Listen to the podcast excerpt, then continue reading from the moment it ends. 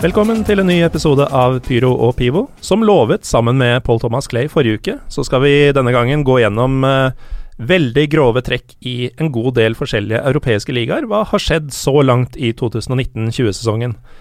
Morten Galaasen heter jeg, og med meg igjen har jeg deg, Paul Thomas Clay. Velkommen. Hei, takk for at jeg fikk lov til å sitte her eh, over helga. Ja, det Jeg har jo ikke forlatt studioet, bare sitter her hele tiden. Føler du det som en bekreftelse for god innsats at du er velkommen tilbake for andre uke på rad? Ja, ellers så er det idétørke i eh, Piro Pivo-redaksjonen. At de resirkulerer uh, de, som, de, som, gidder å møte opp. Ja, det, det, er jo fort sånn at de som har vært med noen ganger, blir spurt oftere og oftere også. Ja. Uh, jeg, jeg, jeg, er tilgjengelig, og jeg har jo mye på hjertet. Det har du. Ja. Uh, og det som da forrige uke skulle være et kjapt uh, ukas lag i uh, Frankrike, det, det blei jo litt, litt mer. Ja. Litt attåt også. Ja. men i dag så skal vi, um, skal vi innom en del andre land, i tillegg til å bare scratche litt innom hva vi eventuelt ikke fikk med oss fra ligaen forrige gang. Mm.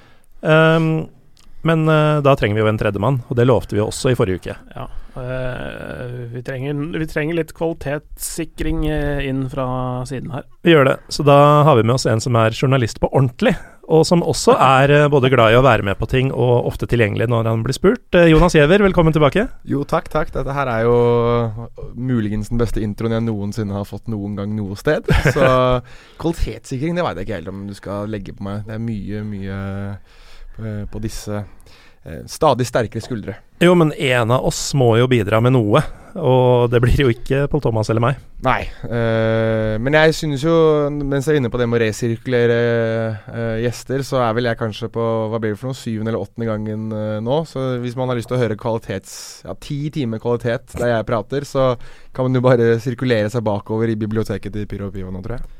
Det kan man, men det er jo ikke bare Pyro og Pivo du snakker mer eller mindre regelmessig. Du eh, er jo også med i podkasten La Liga Loca. Som omhandler spansk fotball, da, for dem som er uh, tapt bak en stein. Um, episode 100 kom ut, var det denne uka, Jonas? Ja, Eller forrige? Det var ordinær episode nummer 100, ja. Gratulerer så mye. Hjertelig tusen takk. Jeg um, fikk aldri noe invitasjon jeg, til uh, liveshowet deres foran et par hundre folk uh, i den anledning. Nei, men det er jo kun påmyntet uh, altså gudfedre av diverse podcaster, og vi vet jo alle, Morten, at du er gudfaren av norsk fotballpodkast. Så uh, slike Ja, hva skal man si for noe? Uh, bruduljer og, og events er, er, påmyntet dere. Så vi vi eh, påkoster oss heller et svett studio, meg, Magnar Kvalvik og Petter Wæland, og det er vi ganske tilfreds med. Men det kan være at det kommer noe eh, snart, håper vi. Kanskje en dag så får vi lov til å være litt sånn konsulierer under mm. deg hva angår dette eh, mafia-nettverket av podcaster som du bedriver. Nå er det mye rævsleiking her. Eh, to veier, Pål Thomas. Skal du også få litt skryt, kanskje? Eh, jeg trenger ikke det. Nei, Det er bra, for jeg veit ikke helt hvor vi skulle gått. Jeg, jeg, kan, jeg kan ikke bli høyere og mørkere nå. Nei, det tåler du faktisk ikke. Åssen um, har nyåret vært, eh, Jonas? Du, det har vært uh, hektisk. Uh, personlig og profesjonelt så har det jo vært uh, mye arbeid. Det er jo litt sånn det er som journalist, at det er et overgangsvindu man skal dekke, uh, f.eks. Og ja, generelt sett mye nyheter som skal skrives. Uh, I tillegg så er det jo Det er jo litt mindre å gjøre, da, Morten. Sånn, med tanke på at Lillestrøm ikke lenger spiller i Eliteserien, så har man gjerne et, en storklubb mindre å følge. så Kanskje ikke like hektisk som tidligere, men samtidig så så vi jo aldri nyhetene, enten de er på, på Åråsen eller Intility eller andre steder i Norge, der jeg dekker det meste. Mm. God liten sånn subtil burn uh, der. du hadde liksom La Liga Loca ene veien, så da måtte jeg komme med noe ja. Lillestrøm-greier. men jeg, jeg, fortjener all dritt jeg får, ja. uh, på generelt uh, grunnlag. Men du sier du dekker overgangsvinduet, og det er jo egentlig en ganske fin, fin overgang til dagens tema. Er det noe du har spitt uh, bitt deg spesielt i merket? I dag, på Gansund, tenker du på? For eksempel. Ja, nå nylig er jo best, kanskje. Vel, skal vi se. Ja, for tre minutter siden så bekreftet Manchester United at, at de var enige med Sporting om å signere Bruno Fernandes. Så han eksisterer, og tydeligvis kan spille på Old Trafford. Eh, det blir jo spennende, da. Så. Han går i grøfta, han. Ja. Eh, altså, jeg har jo snakka om det i en annen podkast tidligere. Fotballga! Ja, for eksempel. Eh, at jeg, han har jo vært linka til de største klubbene i fire år. Altså i totalt åtte-ni overgangsvinduer. Mm. Uh, men ingen har uh, liksom uh, gått helt eh, i mål med han, da. Og det lurer jeg litt på. Hvorfor er det hvorfor, så mange storklubber som har så godt nettverk og, og, og så godt apparat Mm. rundt det å hente spillere, eh, at ingen av de har gått hardere inn for han? Eh, og så er det en, en storklubb som har en litt dårlig struktur og en broket historie Mm. på å hente spillere som faktisk går på, kall det limpinnen, da, hvis det, hvis det, det, hvis det blir det. Det er en veldig lite overraskende overgang i så måte. Ja, en fyr som altså- folk tydelig tilsynelatende ikke vil ha, til tross for åpenbart talent. Mm. Uh, og, og da en klubb som har eh, gått på limpinnen opptil flere ganger Altså, i mange år. Altså, det er ville spekulasjoner fra min, min side. Jeg veit jo ikke om det er noe bakenforleggende, der, men det sier meg i hvert fall at så mange har stått over muligheten til å signere han tidligere. Uh, at eh, han er nå 26, vel. Noe slikt, ja. Ja, uh, og, og at han ikke er henta før, det, det, det forteller meg en hel del da, i den, i den verden der. Velkommen til konspirasjonspodkasten med Paul Thomas Clay. Ja. Men, uh, Lite konspiratorisk innspill herfra. Men, men, men, han, men det han har prestert i sporting, eh, de, de gangene jeg har fått eh, muligheten til å se det, det har sett bra ut. Så, så, så, Ja, og på landslaget ja, også. Ja, ja. Eh, Jonas, du er jo ganske glad i den kjøpende klubb her. Eh, hva, hva føler du nå? Jeg føler ikke en dritt, jeg skal være ærlig med deg. Det er uh, det en overgang som uh, man slipper å sitte og rapportere noe nytt på hele jævla tida, skal jeg være helt ærlig med deg. Mm. Uh, det, altså, det er jo helt riktig som, som Paul Thomas sier, altså, det, han har vært ryktet til så å si hver eneste storklubb nå i ja, halvannet år, vel. Og nå er det endelig en som har bestemt seg for å hoppe på det og blitt enige med, med sporting. Da. Så er det vel sikkert noen medisinske undersøkelser han har å feile, da, som eh, kan stoppe dette. Og det hadde jo vært veldig typisk uh, i så måte, men Altså helt mot slutten av vinduet også, selvfølgelig. Sånn at hvis det rakner nå, så kommer plutselig Sander Berge likevel. Ja, riktig. Eh, den var jo Den var jo litt mer morsom, da, syns jeg. Den spenstige rapporteringen der fra Manchester Evening News. Men, eh, men nei da, altså Hva jeg føler jeg, Det blir spennende å se. Altså Jeg syns alltid det er, det er spennende å se den type spillere måtte ta et steg til da og bli enda bedre i en større liga der det er mer prestisje, større klubb, eh, høyere nivå. Så det blir spennende å se hvordan han tilvenner seg det. Og vi vet jo alle at spillere som signerer for Manchester United, eh, går i grøfta med en eneste gang uansett. Så Mhm. så det blir jo uansett ulidelig spennende å se. Eh, man må jo snart sette opp sånn derre pool for hvor lang tid det tar før supporterne begynner å kritisere han. Ja. Kommer vel sikkert i løpet av kamp tre eller noe sånt. Ja, han skal levere ganske fort for at uh, folk skal tro på han, uh, sånn som ting er i United akkurat nå. Men det får være dagens dose England, for det, det kan Kasper Vikstad og Espen Wene og TV2 Premier League-podkasten heller ta seg av. Vi er jo kjent for andre ting, og uh, Paul Thomas, vi var jo i Frankrike forrige uke og Mm. dekka det behørig med vårt snakk. Ja. Men uh, hva var det vi utelot? Altså Det, det, det- det, går, det går rykter om en, eh, en fyr som har Daddy som mellomnavn.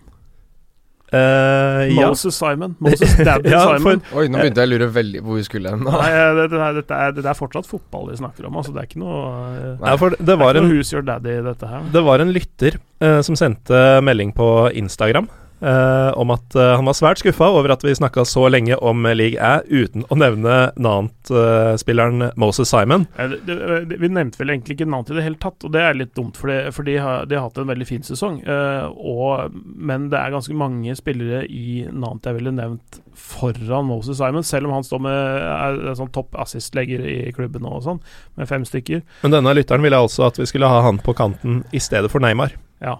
Det Nei. Det kan vi gjøre ganske Uaktuelt. Ja, men, det, men det, den, er, den er kanskje eh, Altså som jeg kunne hatt som en sånn eh, et alternativ på, på midtbanen. Uh, det er um, Abdoulaye Touré. Mm. Uh, Han har vært veldig, veldig god, syns jeg, uh, på Nant Eh, i, de, de kampene jeg har sett han Jeg har ikke sett mange helkamper, men sett litt sammendrag og sånn, men no, de helkampene sånn, syns jeg har vært veldig gode. Han, han, han, har, eh, han har nivå, og han kan fort finne seg en ny arbeidsgiver til sommeren uh, som er på et bedre nivå. Da. Men de, de har hatt en egentlig ganske sånn fin sånn sentrallinje. De har uh, altså Lafon som har fått karrieren sin litt tilbake igjen på, Mm. på rett spor. sånn- Supertalentet på keeperplass. Ja, uh, Han er bare 22 år, men han har altså spilt uh, begynner å nærme seg 200 seriekamp, eh, seniorkamper på, altså i Serie og cup. Og så har du jo Fabio da Silva, selvfølgelig, eh, som, som spiller bra. Du har Girotto eh, og, og gamle Bordeaux-stopperen Palois. Eh, altså sånn, sånn at det er, det, det er ganske mange der som har liksom hevet spillet sitt igjen, og, uh, og selvfølgelig, det er ikke helt uh, upåvirket at det er Christian Gourcuff som trener de. Altså en fransk trenerlegende veldig lenge i Loria, blant annet. Fa- faren, til, med- faren til Johan. Ja. Mm. Du leste meg der. Ja. Lever han for øvrig? Ja, ja, jo, han, han lever, men eh, hvor er det han eh, Han har vel vært i renn, men eh, nå tror jeg muligens Ja, han må vel ha lagt opp? Ja, ikke, stakkars. Det, det var jo en karriere som skulle altså den, Han skulle bli den neste Zidane, sånn, altså, hvert fall Mm. være Han slo her gjennom, slo gjennom i. Bordeaux også, så, så Ja. det var sånn litt Mm. men, Og han hadde noen Altså Han hadde en touch og, og sånn som ligna veldig Han på var leken, han, da han var up and Ja. coming, altså. Men det som, det som knakk han, det var jo ja, to ting. da Det var jo den store big money-overgangen til Lyon, som, Mm. som, som var sånn rekord uh, innenlands. Det var nesten 200 millioner innenlands i eh, eh, Ja, hva var det? Det er 2010. Altså Det er ti år Mm. siden. Og, men så ble det mye skader, og så, og så fikk han fansen litt mot seg. Altså han er litt sånn En litt sånn flamboyant uh, type, litt sånn slentrende kroppsspråk. Uh, og Så var de det- vant til Juninho i Ja. eh, den posisjonen, vel, mer eller mindre. Så var det mye snakk om dette mobbegreiene også, var det ikke det? På det Ja. franske landslaget. At Ja. han i hvert fall under dette mytteri-VM-et deres i 2010, så var Mm. det liksom en del anklager om at han ble mobbet. da At han Mm. hadde gjort seg til et offer. Hvis jeg ikke husker helt feil, om noen, noen gjerne korrigerer meg. Men uh, jeg mener å huske at det i hvert fall, han gjorde seg selv Han var veldig polariserende, kan vi si, på det Mm. franske landslaget. Mm. Og så var det jo disse, alle disse skadene og de problemene han, han hadde. Men han var vel det derre one-two-punchet til Bordeaux det året de vant uh, ligaen, vel sammen med uh, eh. Legenden Marwan Chamac ja. Ja, 2009. Ja. Uh, ja eh, Da hadde vel eh, sentralt og Gofran på høyre. Jeg husker jeg sleit voldsomt med å skille de to. Uh, mye goff der. Ja. Mm. Var Obertan på det laget der òg? Eller hadde han ja, dratt nei, det, dette Det er var- godt mulig, altså. Ja, det tror jeg han var. Mm. Eh, vel trent av Tigana og sånn, disse her gutta her. Men nå, nå skal vi tilbake til nåtiden, eh, Pål Thomas. Vi, har- vi har da pleasa denne lytteren ved å nevne Moses Simon i en bisetning. Ja. Eh, men, men, det er, det, er- men det er Nant er faktisk eh, et ganske OK lag å, Mm. å, å se på, og det er fantastiske fans. Eh, Ja. Det er kjempe, kjempemorsomt å se på kamper, spesielt når de spiller hjemme. Er det fortsatt det gode, gamle VM-stadionet fra 98? Ja. La Stade la Bourgeois. Bourgeois, eller noe sånt? Bourgeois. Bourgeois, ja. Ja. Mm. ja. Men den er fin. Det, Erik Karriere husker jeg mm, Det er liksom den første jeg tenker på. Jeg tenker Nant. Ja. Han var jo Playmakeren eh, i sånn 97-98, kanskje enda ja, senere. Ja, litt seinere over. Ja. De vant vel Jeg lurer på om ikke de vant noen cup eller noen liga med ham, eller noe sånt? Gjorde de ikke det? Eller, kanskje Erik. Karriere. Var det ikke noe Han vant et eller annet med Ja, han vant den franske cupen eh, med, med Nant. Og Men jeg er jo litt eldre enn deg igjen, eh, Jonas, så jeg husker jo dette Nant-laget som nesten gikk ubeseira gjennom hele League A-sesongen for uh, sikkert 25 år siden. Uh, de vant ligaen i var det 94-95 eller 95-96, uh, med Jafet Ndoram blant annet som eh, den store stjerna. Men eh, jo, nåtiden var det. Eh, skal vi si at Frankrike er et 2001 tilbakelagt vant de, eh, og 95. ja, 94-95-sesongen, da. Mm. Eh, for øvrig samme år som PSG vant samtlige seks gruppespillskamper i Champions League eh, på høsten der, 94. Eh, samtidig da som Nant vant nesten alle kampene sine i ligaen. Ja. Så det var en sterk Nant-årgang, må ha vært. Mm. Uansett, eh, takk og farvel til Frankrike. Vil folk ha mer, så har vi forrige episode som eh, Vi, vi lovte en historie om Marseille. Det gjorde vi. Ja. Eh, den den uh, notoriske kaosklubben Marseille, som, som har uh, hatt et sånt, et helt Egentlig et vilt år fordi ting har vært rolig. Eh, eh, eh, ja, altså, det har vært stabilt. folk blir stressa av det. Ja, ja men altså det, hva, hva er det som skjer her? Her er det, her er det jo ting som er liksom eh, sakte under oppbygging. Her begynner resultatene å komme. eh, det, det er stabilitet. Eh, André Vias Boas, som jeg da hadde som min trener på årets Eller sesongens lag så langt. Fordi han har skapt stabilitet og fått mye ut av lite. og men det som, det som, har skapt bruduljer nå, uh, og som har uh, medført at han sportsdirektøren Jacques Henri Eiraud, heter han vel. skal vi se Bare dobbeltsjekke det. Eh, Eller liker at du satte i gang dette eh, Rom, ja. men, men, men, han, men han, han, er administrerende direktør i klubben. Han, eh, han ja, det, det har, Ting er, fungerer, det er stabilt, det er, alt er fryd og gammen egentlig i Marseille eh, på mange måter. Eh, og så ansetter de en løk fra, fra England. Mannen som sto bak TVs og, uh, og Mascherano-overgangene. Som da Kia? Nei, nei, det er agenten. Ja. Uh, han heter Aldridge uh, Skal vi se Jeg husker ikke fornavnet hans, men uh, Jo, Paul Aldridge heter han. Han, han blir ansatt av, av Rås som en rådgiver for å selge spillere til Premier League. Mm. og det, det, er, det er for så vidt en ting altså De har FFP å forholde seg til, og de, de har brukt mye penger, og, og de, de, er litt sånn cash-strapped, egentlig, selv om de har rike Frank McCourt som eier og sånn. Så de, så de de trenger på en måte å selge litt også. Uh, på en måte sånn for å ikke bruke mer enn det de har. Uh, men problemet er at når uh, administrerende direktør ansetter en sånn fyr uten å si fra til treneren, og han må lese om den ansettelsen i Lekip. eh, og det Og, og han, har, han informerte heller ikke sportsdirektøren sin, Anoni Subsareta, og det er Subsareta som er grunnen til at Vias Boas er i Marseille nå. Han hadde mm. tilbud i Sør-Amerika, han hadde tilbud andre steder i Europa. Han sa opp en jobb i Kina som ga han 12 millioner euro i året. Han sluttet uh, til og med som rallysjåfør. Ja, ikke sant? Ja.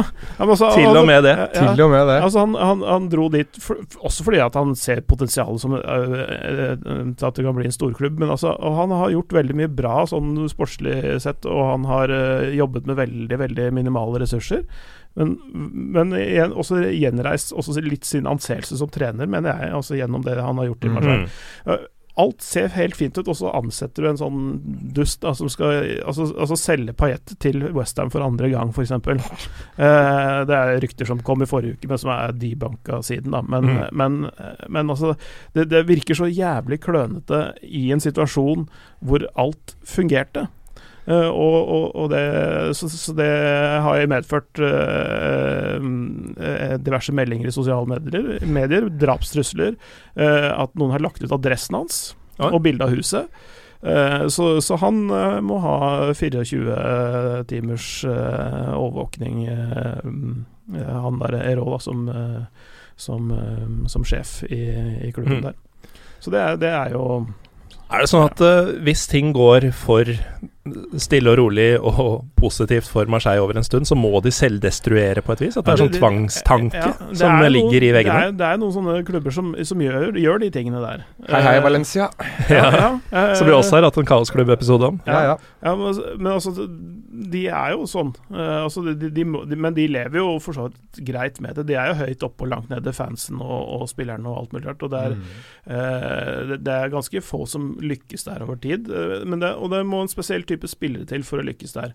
Mm. Uh, folk som er litt harde i nøtta, som ikke Ikke noen sånn fisefine spillere. Det, gjerne litt sånn fuckheads. Ja. De, de blomstrer ja, gjerne i Marseille, føler jeg. Ja, altså, altså Det er en sånn enfant terrible-klubb, uh, egentlig, som, hvor alle, alle, de kan samles og, og, ha det gøy. Så Joey Barton ble kjøpt ut, liksom? ja, og, han, og, han, ble jo godt likt. Han, han spilte jo bra der, og, og, til og med Balotelli. Ikke sant? Fikk, han har hatt en, mm. en, en av sine finere klubbopphold i Marseille. Ikke sant? Ja, ja. Tove er litt karakter. Ja, uh, Payet uh, Ben Arfa var jo bra der. Steven Fletcher innom der også. Ja. Nas Nasri. Ja, var det? Fletcher var der et par sesonger. Ja, ja gjorde, det, gjorde det helt ok. Får litt forkjærlighet for dem. Altså. Ja, det er, det, det er, gøy, skjønner du. Det, det, skjer alltid Det er i hvert fall Det er aldri kjedelig. Det, er aldri kjedelig med Marseille. Men siden du nevnte Valencia, Jonas, ja. uh, tenker vi glir over uh, og inn i uh, Italia. Ta toget vestover, som de sier i påskelabyrinten, eller noe sånt noe. ja. Eh, sørøstover kanskje helst her. Men eh, Du snakker om Valencia, så skal du til Italia? fordi Valencia skal møte Atalanta i eh, Champions League. Ja, det skal de jo. Eh, og det er jo en ganske interessant matchup, fordi eh, hva i huleste gjør Atalanta der? Eh, du som følger eh, eh, spansk liga tett, eh, Mm. hvor sterke er Valencia, og hva slags kamper kan vi forvente oss mot dette hyperoffensive, sjarmerende Atalanta-laget? Jeg synes eh, Altså, det, mens du er inne på kaosklubber, da, så er det vel kanskje ingen klubb i Spania som understreker det faktumet det er større enn det Valencia gjør. Som, du stiller meg et spørsmål om hva kan vi forvente av Valencia, og svaret er at jeg tror ikke Valencia helt selv vet hva de kan forvente av Valencia eh, per nå. For de kan være en klubb som ser helt OK ut i dag, og så kan det komme noen uttalelser fra f.eks. direktør Anel Murti, som de gjorde i går, som snakket om at treneren kun skulle være en gallionsfigur og måtte høre på hva lederne sa. Og liksom Sånn puppet? Ja, og at uh, supporterne klikket i vinkel for det, og så kan plutselig treneren sparke altså, Vi vet null niks og nada om hva som skjer med Valencia i løpet av Altså, hele klubben kan stå på huet om to timer. Det, det er sånn de er bygget, da. Ja, Før denne episoden er ute. Ja. Rodrigos uh, framtid, da? Den uh, blir værende på Mestalla for nå. Det var jo snakk om at han var på vei til, uh, til Barcelona, men uh, et ledd i den avtalen skal ha vært at Barcelona skulle kjøpe Bruno Fernandes, sende han på lån til Valencia, og så få Rodrigo i retur. Eh, men eh, nå har jo Manchester United åpenbart ødelagt litt av den, eh, den avtalen. Men jeg synes jo ordentlig synd på Rodrigo, jeg da. Fordi han har jo var veldig nær en overgang til Atletico Madrid eh, i sommer, og så har han vært veldig nær en overgang til Barcelona nå. Og så blir han liksom bare værende igjen i Valencia. Og ikke det at det nødvendigvis er en sånn utrolig skuffelse, men når du har liksom Atletico Madrid og, og Barcelona dinglende foran deg, og så må du ende på Mestalla der du egentlig ikke vet hva som skjer i morgen, det må være utrolig frustrerende. Han er jo ikke en ung mann heller, så det var kanskje Nei. litt sånn dette var muligheten for den type overgang. Helt sikkert det også, men, men ja, han er grunnen til at de er videre i Champions League, da. Det er han definitivt. Og du, det som er litt interessant her, er jo det at eh, Valencia vant vel alle sine bortekamper i Champions League. Og da snakker vi borte mot Ajax, borte mot Lill, borte mot Chelsea. Eh, Atalanta tapte vel alle sine tre første gruppespillskamper, vel? Eller i hvert fall de Ja, det var sånn uh, Great Escape-variant. altså de, de kapret det helt på tampen i gruppe med uh, Shakhtar Donetsk, Dinamo Zagreb og Manchester City.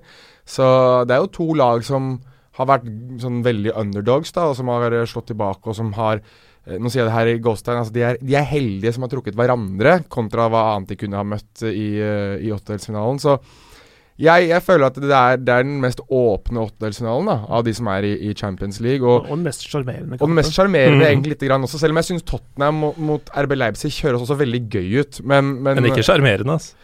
Nei, det kan, det kan man jo si. Men det er, to lag som, det er to lag som har potensial til å spille veldig veldig god fotball. Og det har Valencia og Atalanta også. Må du Eh, ikke glemme at Tottenham har bytta til seg Mourinho. Jeg sa Så potensialet til, til å spille god fotball. Jeg sier ikke at de kommer til å gjøre det. spillertroppen eh, kunne spilt god fotball. Nettopp. Men, eh, men Atalanta, altså for å holde oss litt grann i, i Italia, da, det er jo den, den klubben som har skåret flest mål i i serien desidert flest mål òg. De har vel 57 skårede mål, og neste på lista er vel Lazio på 47. Så Det er, det er jo en klubb som nylig vant 7-0 i en kamp, og Josip Ilicic med hat tricks og scoring fra midtbanen, og det er jo en klubb som Det er så absurd, det laget der. For det, altså Altså Gasperini har jo klart å skape et fantastisk offensivt lag, da, og så har de liksom en del sånne eh, karakterer, da. Altså Ilicic som er inne på, Papo Gomez, Duvan Zapata. Det er liksom Det er, det er, mye, det er mye moro uh, framover i banen. Og så Luis Muriel. Ja. Luis Muriel, som vi skal ut i Spania etterpå, men han var jo en katastrofe uten like i Sevilla. Mhm. Men får det til å fungere nå i, i Serie A. Og, men så har de vært gode på rekrutteringen sin. da Altså de har, Jeg tror de har forstått litt det at de ikke nødvendigvis skal hente på øverste hylle. At de må liksom hente på den Hylle hylla litt under der. Ja, Hylle, to og tre for en del av de nederlenderne de har henta, f.eks. Mm, hattebord og sånn, Ron eksempel. ja, ja, og og, og, Gåsens. Ja, Gåsens er, eh, er vel eh, be- Nei, er tysker, er- ser, ser det ut som. What?! Uh, det står tysk flagg ved siden av navnet hans, men han, er fra, han ble henta fra Herakles. Mm. Men han er tysker. Eh, han Kastanje også som Han er belgier. Ja, han er belgier. Ja.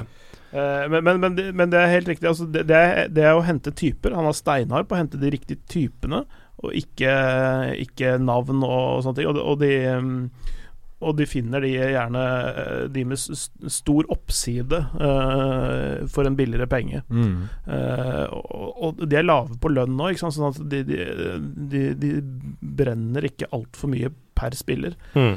Altså, det, det, at liksom Remo Freuler er sentral på midtbanen til et, et topplag i Italia, det er jo, det er jo spesielt. Martin Ron også. Ja, ja.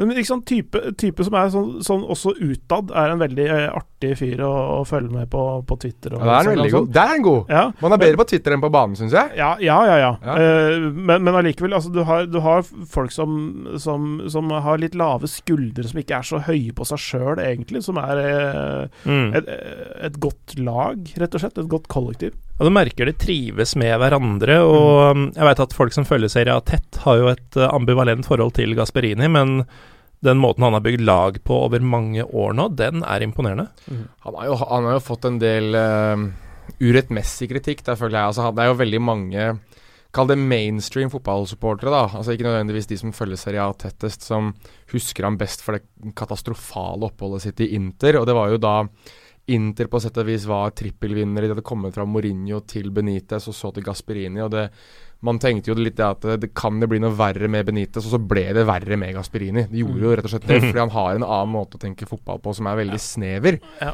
og, og det, det, tok, tar tid å få innarbeidet det, og han ja. trenger og, og, det er egentlig noe som du ikke får tid til i en storklubb som Inter, Nei, men du får tid til det i de periodene han var i Genoa, og du har, har det nå i Atalanta. Uh, han fikk jo bare seks kamper som intertrener. ja, ikke sant? Uh, han fikk fyken i september uh, den sesongen, eller høsten 2011. Ja, skjønner du. Da, da, det, da, har du så lite å gå på. Og, men jeg syns det er gøy da å se at han får en slags renessanse da, mm. i, i, Atalanta, i hvert fall hva, hva angår renommé.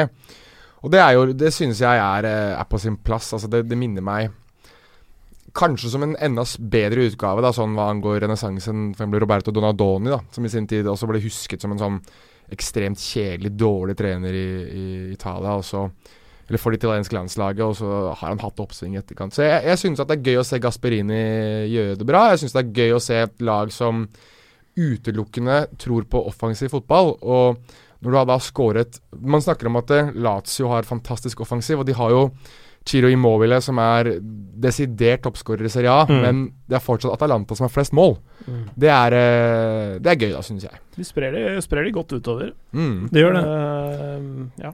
Men uh, Paul Thomas, du har jo jobba med å bl.a. Kommentere, serie, kommentere Serie A i mange år. Mm. Og um, det er jo ikke Nå har ikke dere den ligaen lenger, Nei. men uh, det er vel ganske gjenkjennelig fra flere år tilbake nå at uh, disse klarer å reprodusere. Altså, de mister spillere, de henter nye spillere. Uh, og så tenker man sånn for tre år siden, da de ble nummer ett eller annet, uh, hadde en kjempesesong, at det var et blaff. Uh, hvor imponert er du over at de fortsetter å henge opp i sånn topp fire, fem, seks-sjiktet år etter år? Eh, jeg er, veld, jeg er, veldig imponert, og spesielt fordi de, de, de mister jo spillere hele tiden. Altså, altså det, det, En ting er å, å ha et, på en, en stamme, et lag, hvor, hvor, du på en måte mer eller mindre har det samme, og så skifter ut litt sånn i, i, utkanten, i utkanten av uh, elveren. Uh, men her, de, her er, det, er, det, sentrale spillere som har vært mista flere ganger.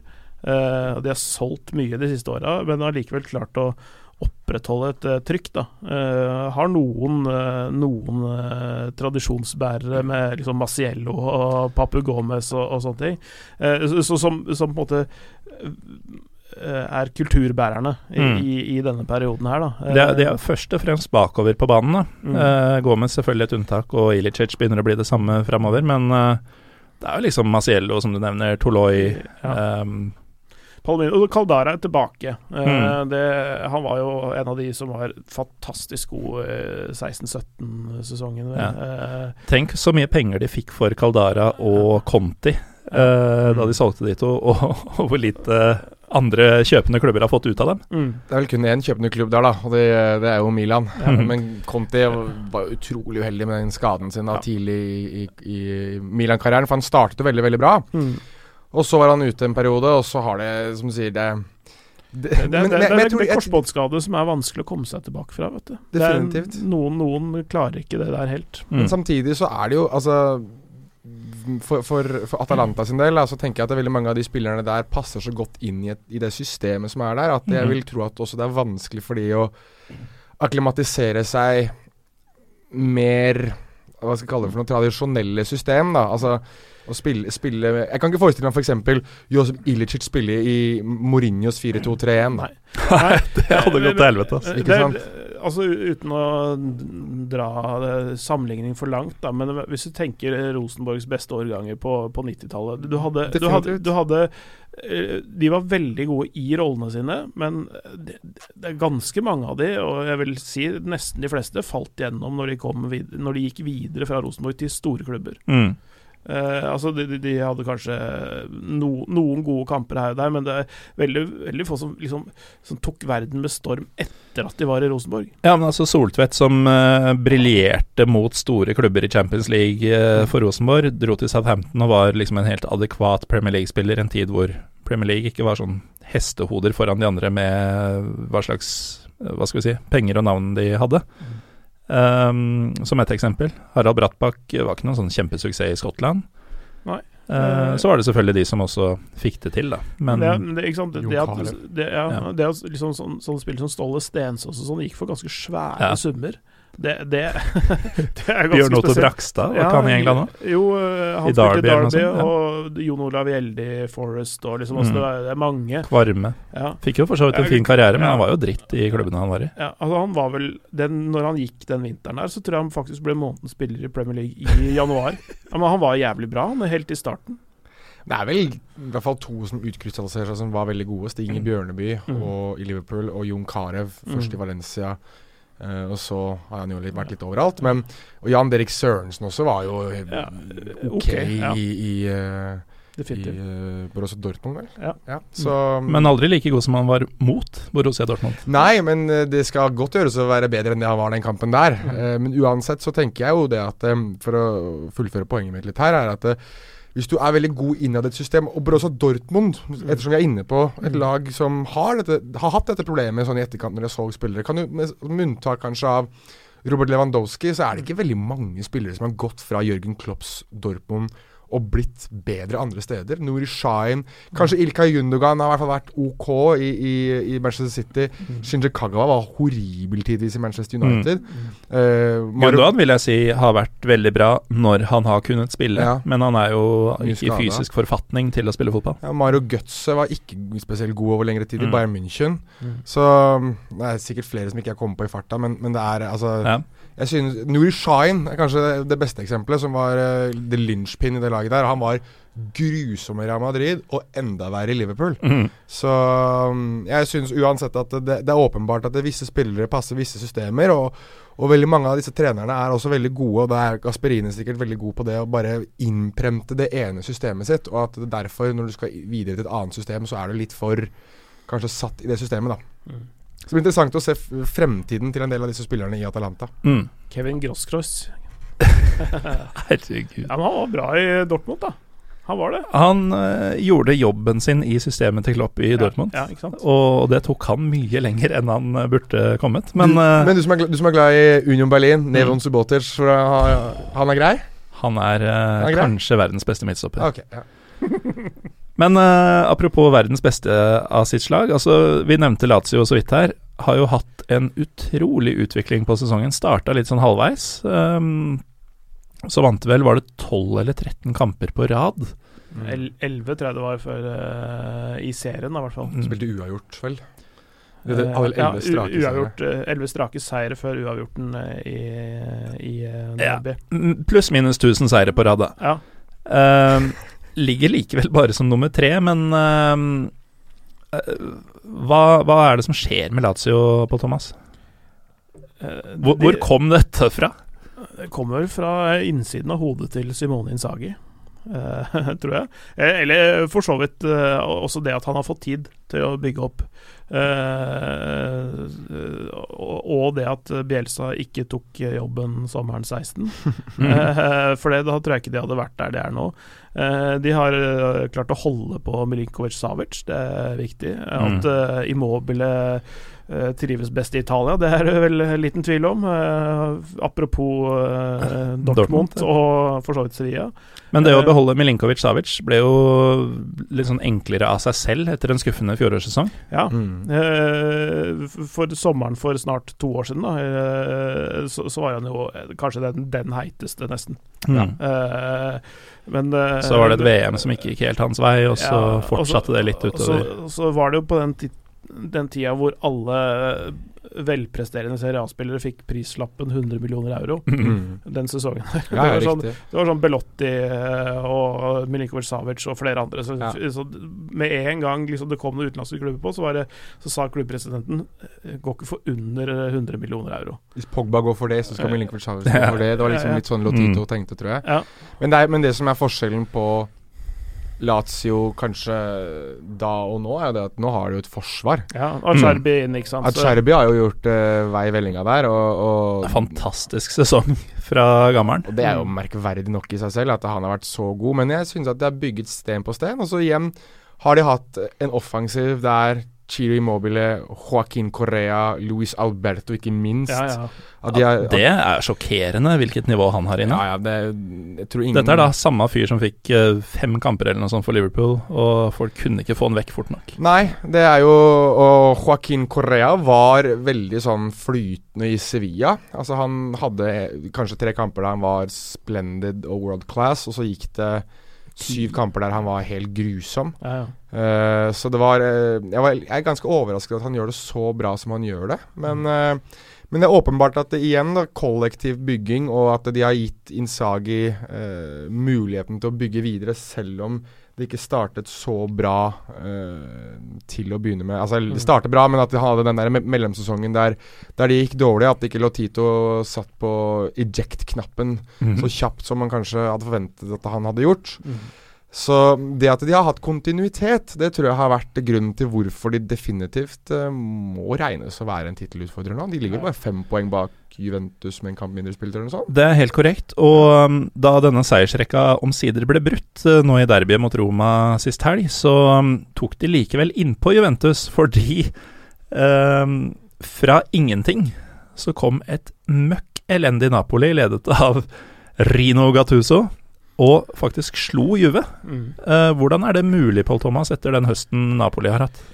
For det er jo nedrykkstakter de har vist uh, de siste månedene. Ja, um, definitivt. Og, og, og det, er, det, er, ganske fascinerende hvordan de har klart å bryte ned hele arven etter Sarri på halvannet år. Det gikk fort. Uh, men så er det, så er det sånn, noen ting da, som, som, må sies. altså, Gattuso blir jo ledd litt av i Italia, for han har litt sånn, litt sånn dårlig uh, Altså Han har en veldig tynn CV som trener, og så tenker man at han er som fotballhue, sånn som han opptrådte på banen i Nettopp. sin spillekarriere. Og sånn Men, sett så er det jo litt uh, pussig, altså hvis den tanken hadde vært riktig, ja. uh, at han har dette laget nå. Ja. Uh, det var jo selvfølgelig ikke all verdens til folk som var ledige på det tidspunktet de ga han slått i sparken. Uh, Um, men, men, han, han, er smartere enn det folk skal ha det til. Og, og trenere i Italia som, som, går gjennom trenerskolen der, de, de er De skjønner bedre, fotball? Ja, de skjønner fotball, og de er, de er, godt taktisk skolert. Ikke bare i ett system, men i flere systemer. Sånn at de, de um, de, de, tenker fotball eh, på en ganske avansert måte der. Da. Og det, det var det som, de, det som, de, klarte å gjøre med Juventus, var altså sånn konkret i den kampen. Var at de lokka de, lokka de fram, og, og, Juventus presser ganske smalt. Og så brukte de kantene og bek, eh, bekkene og kantene til å, til å, angripe med sånn stort sett. da. Og, og, når de fikk etter hvert lurt Juventus framover, kunne de også lempe ballen uh, langt bak bekklinja der. Uh, uh, og, og, sånn høyt presspill, det klarer ikke Juventus. Ronaldo og Higuain og, og, og, sånn, de flytter ikke beina fort nok til å klare, klare det der. Mm. Eh, så, så, de, så, de, mm, de, de, lurte et litt sånn halvslapt, litt uinspirert Juventus uh, fram i banen, og så hugde de til uh, bakover. Så det var egentlig en sånn taktisk god god kamp. Han, de, de, forsvarte seg med, med den der midtbanetrioen sin veldig, veldig smalt, og, så, og, og, og, og stopper paret. Og så, har de, så kunne de uh, gå på sidene. Mm.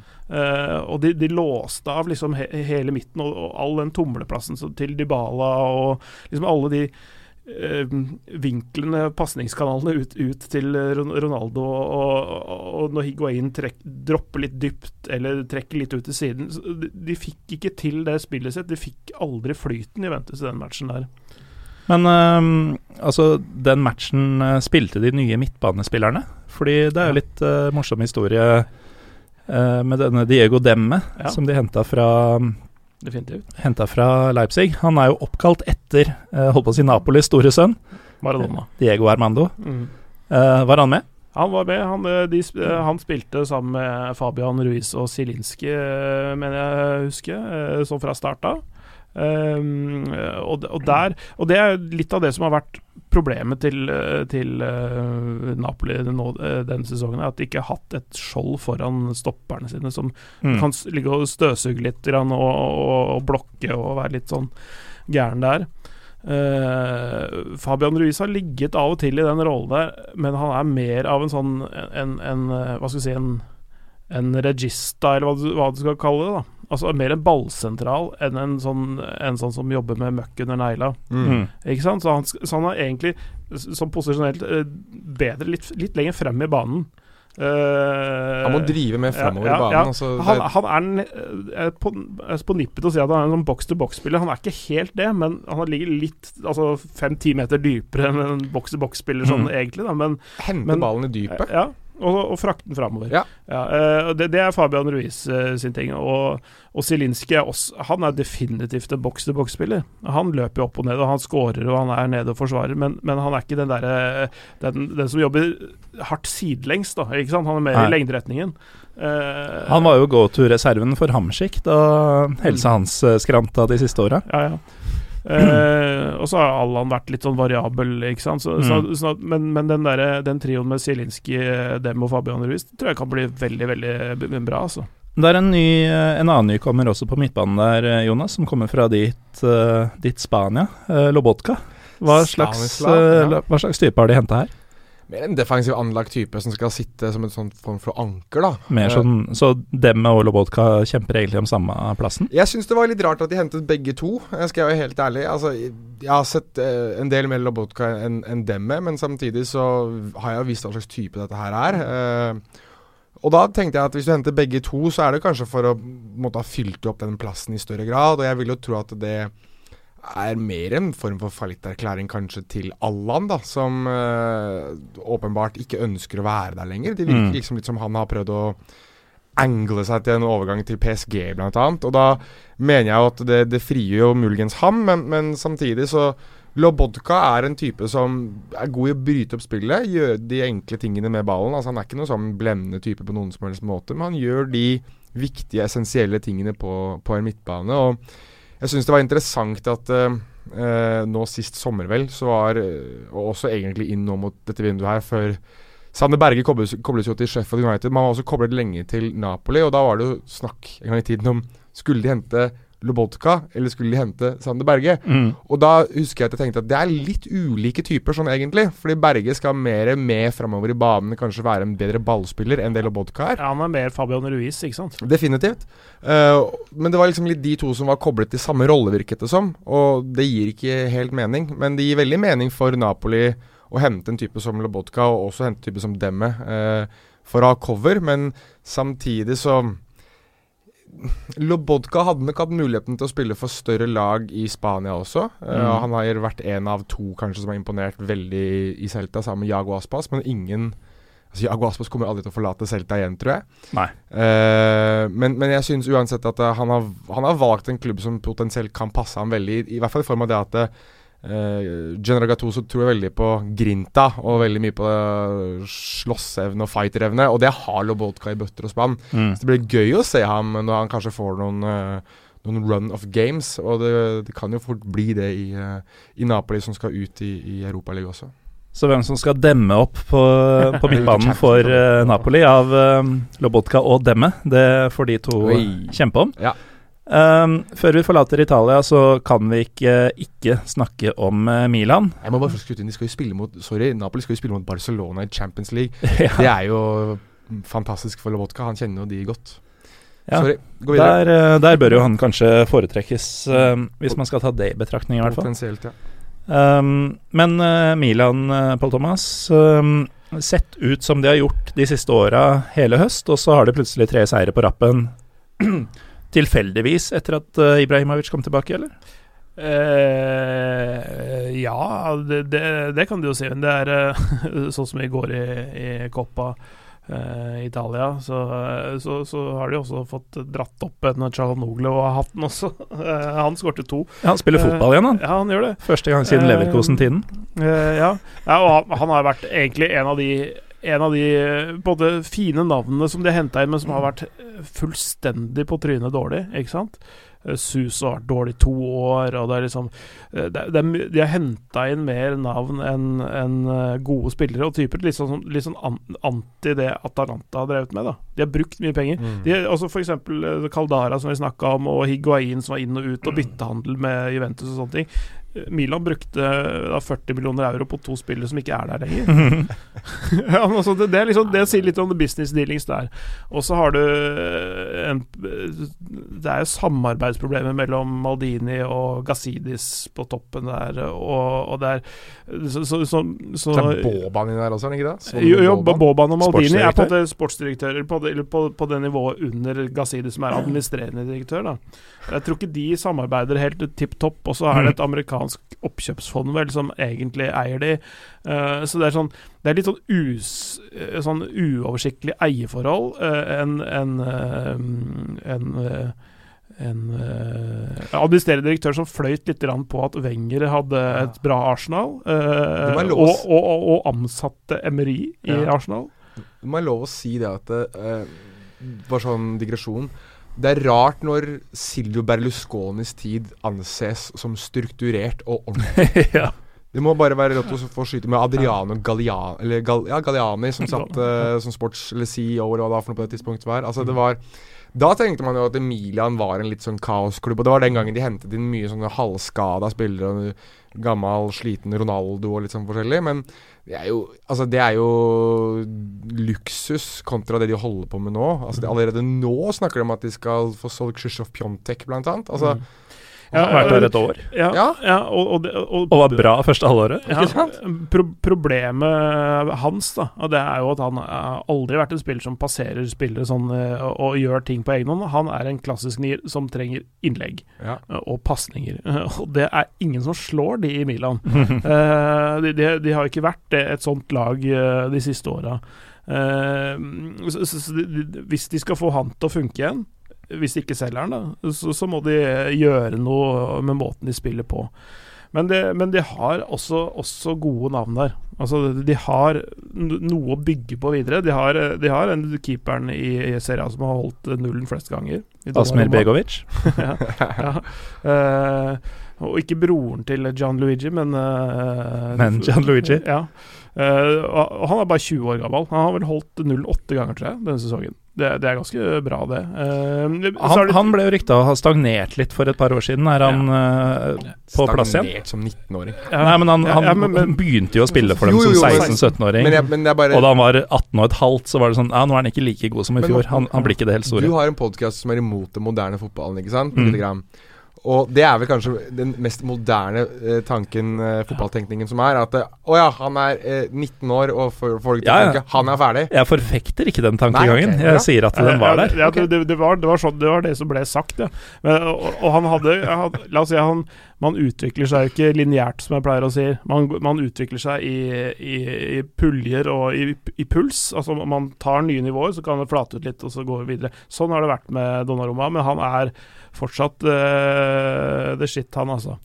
uh, og så har du de har, Du har Romagnoli der, du har Theo Hernandez der, du har altså, Så er toppskårer, vel?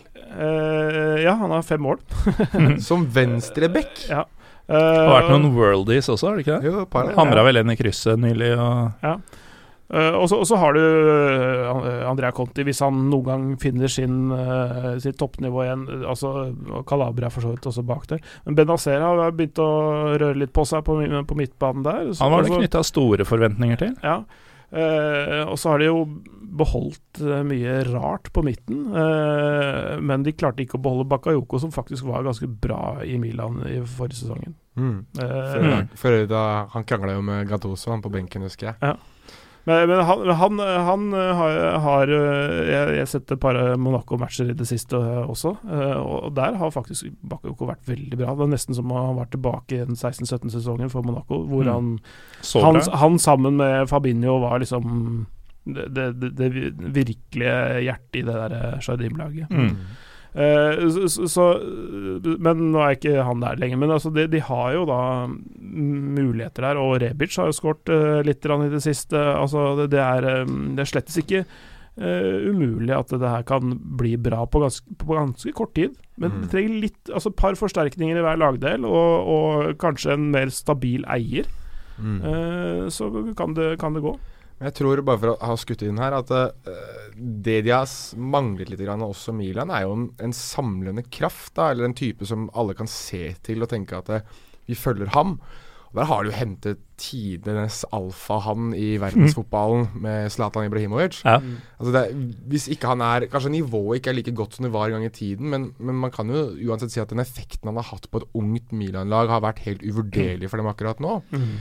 Og det tror jeg, det tror jeg er, en, er en, uh, altså en, verdi vi ikke skal undervurdere noe særlig. Det å ha en slik type som ham, og en type som også vet hva han går til, har spilt på San Siro og vet hva som er forventningene i det laget her. Fordi når du ser den troppen deres, så er det det er mye urutinert, og det er mye spillere som fortsatt har potensial de skal nå. Altså, for å nevne noen som kommer til å være der en stund. Altså, Rafael Leao er fortsatt veldig ung. Samu Castillejo har spilt i i, uh, i Villarreal og på en måte slått litt nedenfra og opp. Uh, Lucas Paqueta er det iallfall enn så lenge, selv om han kobles vekk.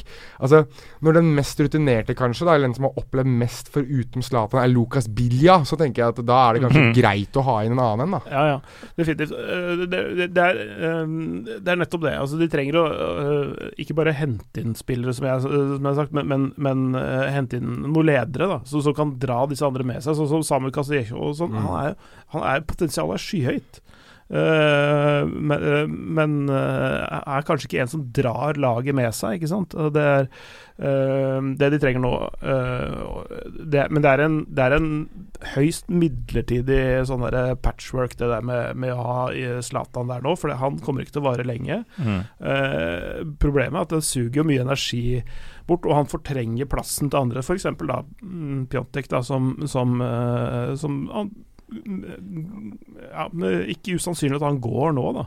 Og da kan de jo på en måte selge en spiller som kunne vært en, en, en av eh, de mest sentrale i årene som kommer, mm. hvis de hadde klart å bygge, bygge et nytt lag da, i sommer. Har noen av dere sett uh, Netflix-serien uh, Messiah? Jeg har begynt på den. Det er litt sånn han Ja, Messiah i den serien. Det er litt sånn jeg ser for meg Zlatan være, ut fra det Jonas sier i den troppen. Sånn fyr som folk bare blir sugd mot og fascinert av. Litt sånn Man veit ikke hva han kommer til å levere, uh, i dette tilfellet fordi Zlatan har blitt en gammel mann. Men at uh, han vekker opp noe i alle som er rundt han. Mm. Uh, Charles Manson-effekt utenom drap, kanskje. Men, ja. uh, ja. men du, du, slurver ikke unna i hans nærvær. Eh, ikke sant? Det er litt det òg. Mm. Altså, du, du, ikke, du, dasser ikke rundt og, og har en uinspirert kamp i nærheten av Zlatan. Det, det, går ikke, det. Jeg ser for meg at uavhengig av hvor mye Zlatan selv kan levere nå, så vil alle som er på trening med en hver dag, vil imponere Zlatan. Ja. Eh, både i kamp og på trening, og det, det, i seg selv er jo uhyre verdifullt. Mm. Um, Skårte i cupen i går òg, mot Torino. Mm. Zlatan. Så en, en serieskåring og en i cupen. Ja, det, det, er mer enn jeg forventa. Ja. Um, Jonas, ja. La Liga Loca-mannen. Det er meg. Nå skal vi snakke Spania. Woo! Jeg registrerer jo Sparte, sparte det beste til slutt, si. Nei, vi er ikke i nærheten av ferdig. Men øhm, jeg registrerer jo til min øh, store overraskelse at Mhm. det står mellom Real Madrid og Barcelona. Mest interessant i så måte er ikke for så vidt hvor dette ender, for det kan du og Petter og Magnar diskutere uke inn og uke ut i La Liga Loca, men Mm. hvorfor i all verden sparka Barcelona treneren sin? Det er jo et ganske langt svar på det, men jeg skal prøve å forkorte mest mulig. Og det starter jo med dette- grusomme tapet i Roma, da, i, eh, i Champions League, der eh, de kom med et Hva var det for noe? De leda vel 4-1 til første kampen på, på kamp nå i Champions Leagues kvartfinale for to sesonger siden. Og tapte 3-0 på Olympico, eh, med Ernesto Valverde som trener. Og så fjorårssesongen så hadde de eh, 3-0 på hjemmebane mot eh, Liverpool, eh, og så tapte de da 4-0 på Anfield for Liverpool uten Mohammed Salah og uten Roberto Firmino. Eh, og så var tungen på vektskålen tilsynelatende det at de tapte eh, semifinalen i, hold deg fast, den spanske supercupen som i år ble spilt i nytt format i Saudi-Arabia.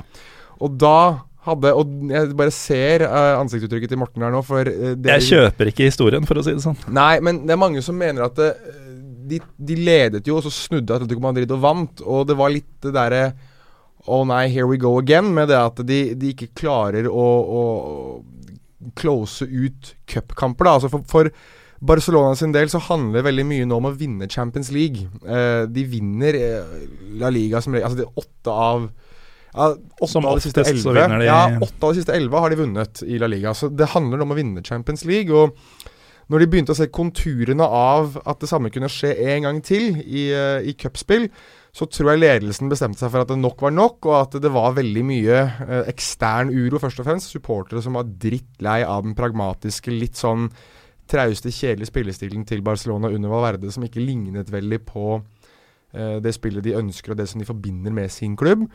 Og det at det veldig ofte var litt sånn De kunne spille ganske dårlig fotball og så reddet Messi den på slutten. Eh, så da valgte de, som serieleder, som videre i den spanske cupen, som videre i Champions League, der de skal møte Napoli, og sparke Ernesto Valverde.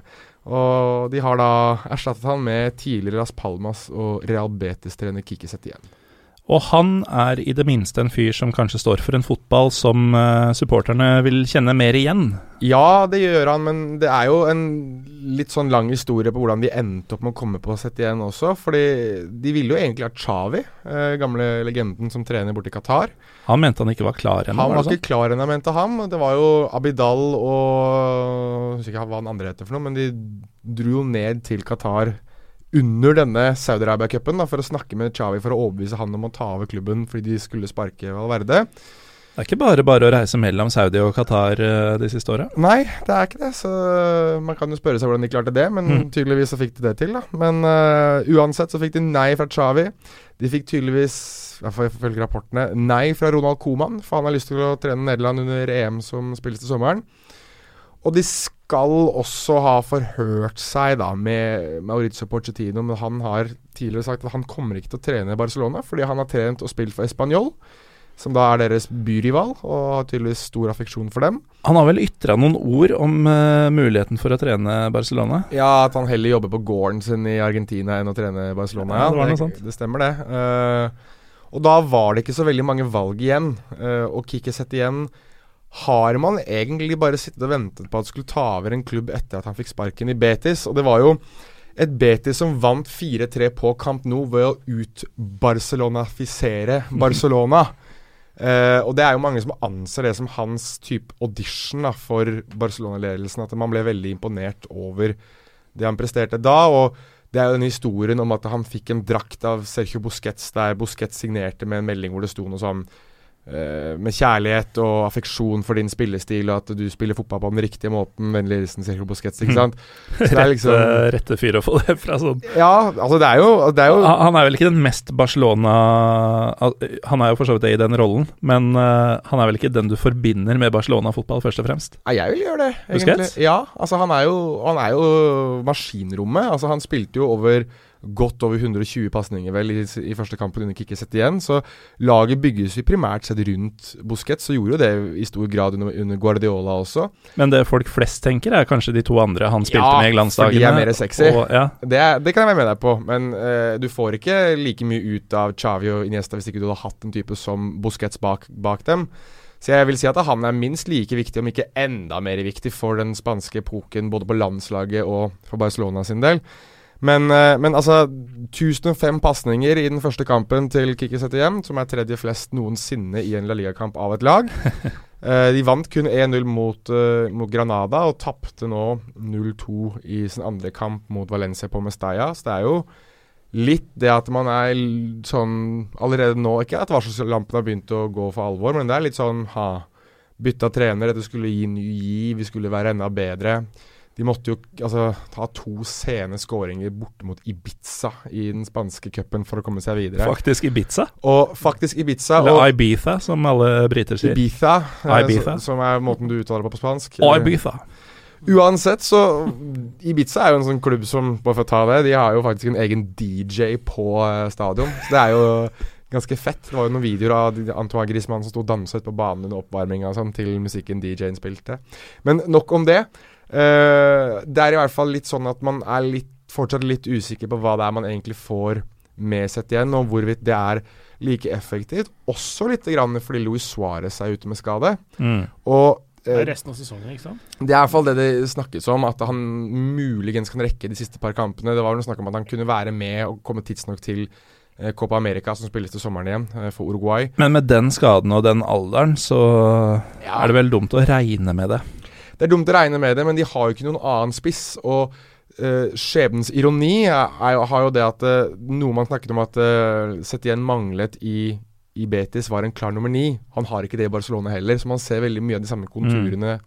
nå tidlig. da, i Spillestilen til Barcelona som man så i, i Betis, og det er jo utrolig synd, da, for han spiller gladfotball som i hvert fall jeg er veldig veldig glad i å se på. Altså Du beskriver det jo som uh, veldig dominant fotball, uh, spesielt den tusenpasningerskampen, mm. uh, men med én scoring. Altså dominant, men ineffektivt. Du trenger en til å avslutte dritten. Ja, du må ha en foran der som, som jager målet, og som egentlig rett og slett man bare kan sparke ballen borti, og som kan få ballen i mål. Mm. Han hadde liksom ikke Altså Lauren Moron var det nærmeste han hadde det i Betis, og han er en høyst uh, Altså, han hadde en god sesongstart, og så har han kjølna litt.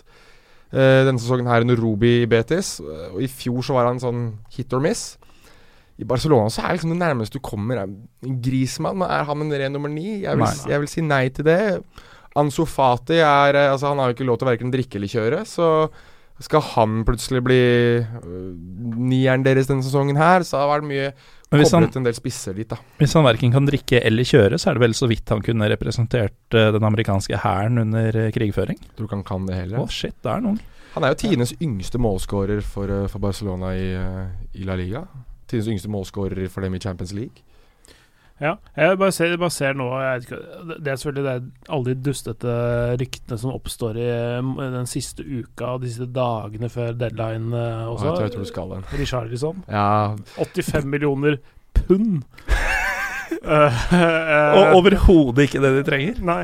Uh, men, uh, og den summen for han, det syns jeg også var uh, ganske artig. Men, men, jeg har sett også Dusan Tadic vært lansert som en, et alternativ, men det slipper ikke Ajax nå.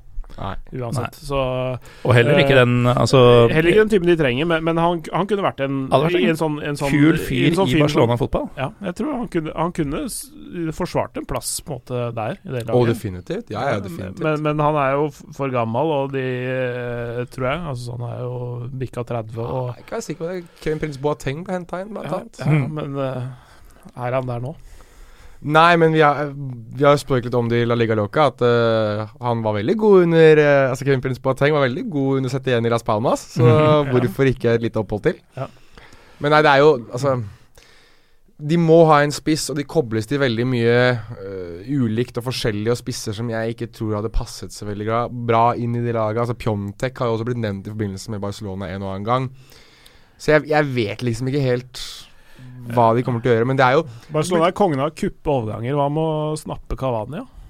Nei, det skjer ikke. Nei, jeg veit at det ikke skjer, men, Nei, men ja, jeg, se, det jeg Det hadde vært litt gøy, to gamle, slitne uruguayanere som driver Ja, ja. på å være skada for Barcelona. Men, eh, men nei, jeg, jeg eh, tror faktisk ikke at de kommer til å klare å signere en spiss, skal være helt ærlig. Jeg tror at de kommer til å måtte sitte igjen med det de har. Eller så må de gjøre en eller annen dum nødløsning, da. Det er jo Niklas Bentner er jo tilgjengelig, så kanskje det hadde vært en løsning. Men uh, Thomas Lene Olsen skrev akkurat ny kontrakt, så han blir dyr han gjør det, hvis, ja. eh, hvis han skulle vært aktuell. Men de, du hører jo det at uh, Barcelona legger jo 85 millioner pund på bordet for Charlison, visstnok. Altså, Så tror du Lillestrøm hadde takket ja til 85 millioner pund for Thomas Lene Olsen? Eh, jeg, jeg tror de hadde takka ja. Ja. Men eh, nå, Kanskje- nå, nå må vi gi oss med akkurat dette her mens leken er god, fordi nå har vi hatt et lengre segment om Barcelona. Ja. Eh, og i beste Pyro Pivoen så tror jeg ikke vi har nevnt han ene argentineren. Og da bare setter vi strek mens det fortsatt gjelder. Jeg nevnte han i stad, så vidt det var, men ja, Ja, Bisetninger teller ikke. det er riktig. Dessuten er det ingen som følger ordentlig med når de hører på Pyro Pivo. Nei, Men, uh, meg, da. men vi hadde jo en lignende type episode i mai i fjor. Uh, og da mener jeg å huske at vi snakka om et overpresterende Hetaffe, Mm -hmm. uh, fullt av gamlinger og rejects fra andre klubber. Mhm. Um, Er ikke blitt noe bedre nå? Er ikke blitt noe yngre, kanskje, men de er heller ikke blitt noe dårligere, tydeligvis. Nei, altså nå tenker jeg bedre i så, i så måte at de har ikke sluttet å hente rejects, liksom. Nei, men de leverer fortsatt. Ja, de gjør, gjør det veldig veldig bra. Nå har de jo til og med hentet tilbake Daverson, som uh, spilte i Granada og annet er en stor favoritt uh, hos Petter Wæland. Daverson Diverson from Ibiza. Ja, ikke helt der, men uh, i hvert fall i Jeg ville bare si det sånn. Ok, ja, det er lov. Uh, men jeg mener jo, hvis du ser på troppen til til Chetafe så er det, det er liksom sånn- kjeft, det en, Nei, men det er et grått lag sånn uh, på papiret, og de er et grått lag å se på. Det er altså PP Bordalas er jo den treneren som får mest kritikk for å spille kjedelig fotball. Mm. 4-4-2, alle gutta i krig. eh, Kriget i seg ball, kriget i seg skåringer og Og alt dette er da kliss likt som i fjor. Ja, i, i stor grad. Uh, I stor grad, men jeg synes jo det er litt interessant at de har f.eks. Uh, Angel på topp har fått, uh, fått mer sjanser og, og har tatt de sjansene. Han er jo en artigere spiller enn både Jaime Mata og Jorge Molina. Jorge Molina er vel 144 år gammel nå, tror jeg. Så Mata også er vel det. ja, men, men uh, Jorge Molina i enda større grad. Altså Han oppriktig talt er eh, Jeg tror han er 38 eller noe sånt. 37. Ja. Mhm. Så altså Og Haimata har vel bikket 30 akkurat. Men jeg synes uansett at Angel, som vel også har bikket 30, for så vidt, uh, er en morsommere, morsommere spiss å se på. Um, det er et lag som, som er tro til sin stil. Da. De er tro til PP Bordalas, og, og jeg synes det er litt interessant at han ble værende der. Uh, jeg ville tro at han hadde vært aktuell for, for andre klubber, men uh, Og han snakker jo selv om at han har en annen spillestil inne, men han bare må tilpasse seg det laget han har. Og dermed blir det da denne her gampefotballen. Men den er effektiv, og vi snakker jo om at de Du sier at eh, de ligger på fjerdeplass nå, eh, og da mener jeg at eh, hvis vi er inne i enda en sesong der de klarer å kombinere For de har gått videre i Europaligaen også. Mm. At de skal spille Europaligaen og fortsatt klare å prestere så bra som de gjør i La Liga, så er det et lag vi må, må regne med for alvor. Men jeg syns det blir interessant nå å se de eh, uten Leandro Cabrera, for han er jo solgt til Español, uh, som kriger mot nedrykk. Uh, som Hva slags overgang er det å ta for han? Altså gå fra fjerdeplass til nedrykkskamp? Nei, Nå har Español veldig sterke kinesiske eiere, da, så jeg vil jo tro at det er en økonomisk god overgang. Og I tillegg så har Español gått videre i, i Europa League. De har ansatt Abelardo som trener, enda en trener som jeg mener at det burde hatt uh, sjanse til å spille, tre, trene større lag enn det han har gjort. Altså Alaves, Español osv. Gamle Barca-stopperen? Riktig. Eh, også, altså han har nesten fått det som en sånn manisk greie. At han syns det er gøy å ta klubber som holder på å rykke ned, og bare vippe de hele veien opp på tabellen. Så Tom Nordli-varianten. ish, men bare enda mer suksessfull, tror jeg. Eh, han har ikke vunnet noe Kanskje en bedre fyr også, forhåpentligvis. Det skal ikke jeg uttale meg nå om, men uh, uansett så, så Jeg mener Español har jo gjort veldig mye spennende på overgangsvinduet med ansettelsen først og fremst av Abelardo, og så har de signert Leandro Cabrera, som jeg nevner, fra Getafe, som har vært en av de spissene, eller spissen, en av de forsvarsspillerne som har spilt best denne sesongen i, i La Liga, synes jeg. Jeg får liksom ikke nok honnør sammen med Jened Akonam. Ti baklengs har uh, laget han spilte for, Ja, det sier jo sitt. på Eh, 21 kamper. Ja, men de er kuttsterke bakover. Og så har Spanjol hentet Adrien Barba fra Rayo Vallecano, som var med å rykke ned, og var trofast nok til å bli med hele veien ned. Og så er det da den overgangen jeg synes er den kuleste i, i La Liga uh, denne vinteren. Og det er mannen som kun uh, beskrives med sine initialer RDT, Raúl de Tomàs. Han spiller med RDT på ryggen. Jeg bare tulla forresten, jeg så i feil kolonne. De har sluppet inn 20 på 21 kamper. Men til sammenligning så har Barcelona sluppet inn 25. Ja, men det er vel Så det setter ting litt i perspektiv. Det er vel et, Jeg tror ikke det er det laget som har sluppet inn færrest, er det ikke det? Madrid, eh, De to store Madrid-lagene og Atletic Klubb eh, ser ut til å Atletic ha Atletic selvfølgelig har jo hatt uh, en fantastisk god defensiv sesong. De er bare ikke like gode offensive, dessverre. Mm. For deres del.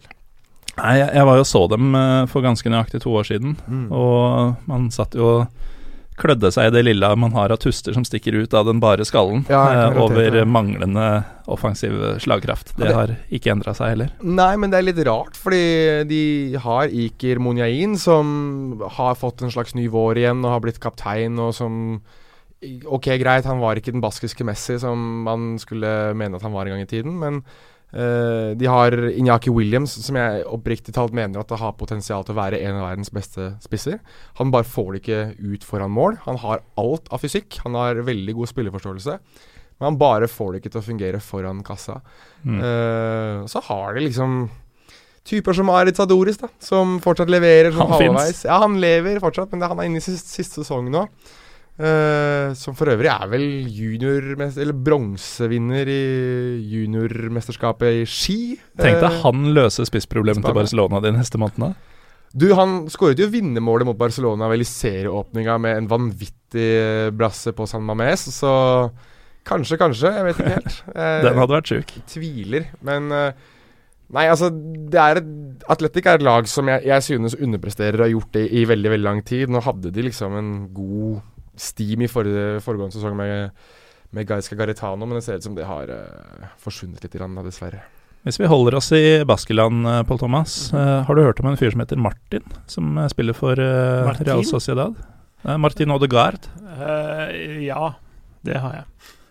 Har du hørt at han har gjort det brukbart i Spania? ja, ja. For, folk mener jo at det finnes større Enkeltfolk mener at det finnes større fotballtalenter ute i verden. Eh, Noen på Twitter som opererer først og fremst med fornavn? Eh, ja. men uh, Skal vi gå videre? Ja, det kan, oh. kan vi gjøre.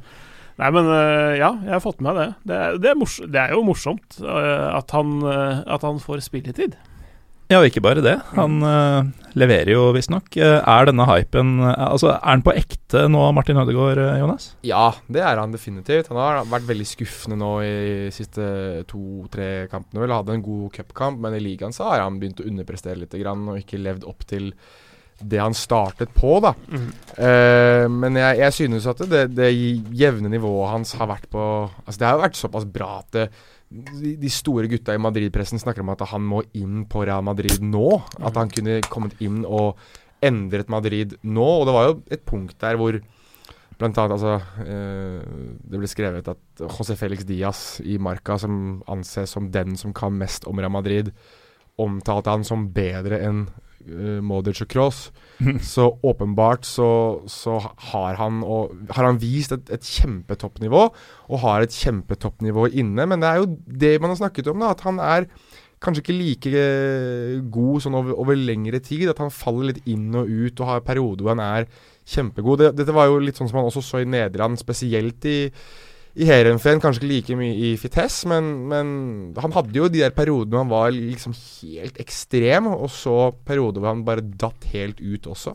Men han har jo aldri i karrieren, og da tar jeg også med tida i Norge, han har aldri spilt for et lag som har vært et absolutt topplag, som har vært vant til å dominere kampene og sånn. Nei, um, Eh, vet ikke hvor mye det eventuelt har å si i dette bildet, men um Jeg vet ikke hvor mye det, det, har å si, men han er jo Det jeg mener, da, og det som Nå får jeg være sånn armchair expert, men at jeg synes han burde bli bedre på det å bare dominere kamper og bestemme seg for om kamper skal vinnes, liksom. Altså, det er det som er det neste leddet i utviklingen til Martin Ødegaard, det at han har det derre Den evnen til å bare vippe steppe det opp enda et hakk da, og bli enda bedre og bare dominere det som er. For er, han forsvinner fortsatt veldig mye i kamper, da. Eh, apropos armchair experts, uh, Pål Thomas. Uh, så du klippet til Copa 90 her om dagen om Erling Braut Haaland? Ah, herregud.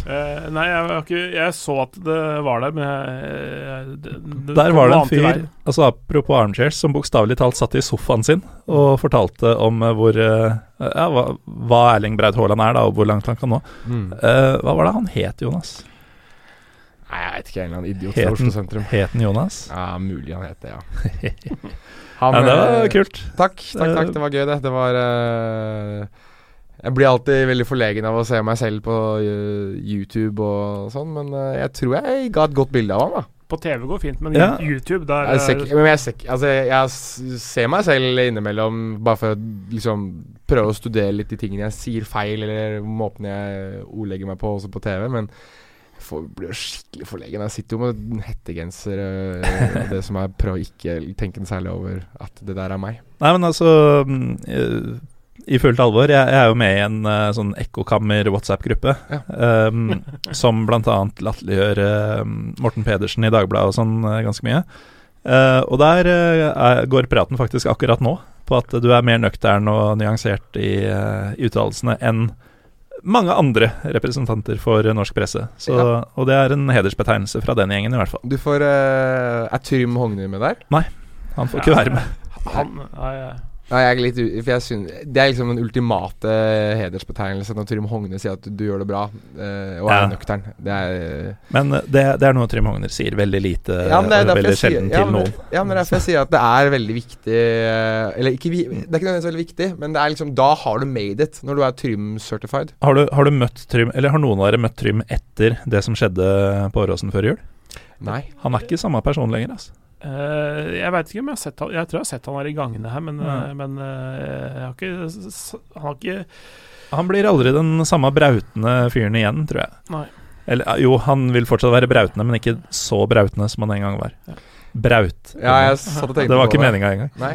Um, før vi gir oss med, med, Spania, Jonas, for jeg ser klokka tikker. Mm -hmm. um, du og din kompanjong i La Liga Loca, Petter Wæland, ja. dere peprer jo Twitter med Shimi Avila. Ah, ja. Mm. Hvem faen er Shimi Avila? Og hvor, hvorfor elsker dere ham sånn? Hæ? Du må uttale det riktig. Avila. Men Shimi var riktig? Chimi er riktig.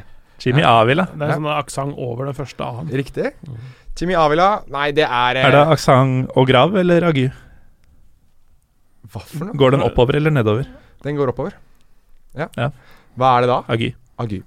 Det er Agy. Uh, men uh, Chimi Avila Agy, han uh, er en argentinsk spiss for Osasona som i hvert fall for min del kom først på radaren under fjorårssesongen da han spilte for Wesca. Wesca rykket jo ned, men han var jo fortsatt imponerende, men mer fordi at hver gang han scora, så var det liksom de villeste målene du har sett. Altså, som skudd fra hundre og helvete og hel volley direkte fra corner. Og liksom det var noen helt enestående skåringer. Det var jo sånn vi hadde Vi tulla litt med det, at han kunne ikke skåre vanlige mål. Altså Alt han skåra på, var var sånn sinnssyke mål. Uh, og, og, så dro han til Osasona, liksom, av alle andre klubber. Jeg tenkte at det, han må jo kanskje være aktuell for ja, jeg veit Spanjol, da, som kavet lite grann, eller uh, en sånn type klubb. Og så har han denne sesongen her vært helt latterlig bra for nyopprykkede Osasona, eh, som har hatt en enestående hjemmerekord, og som ser ut til å kunne klare seg i La Liga med ganske grei klaring.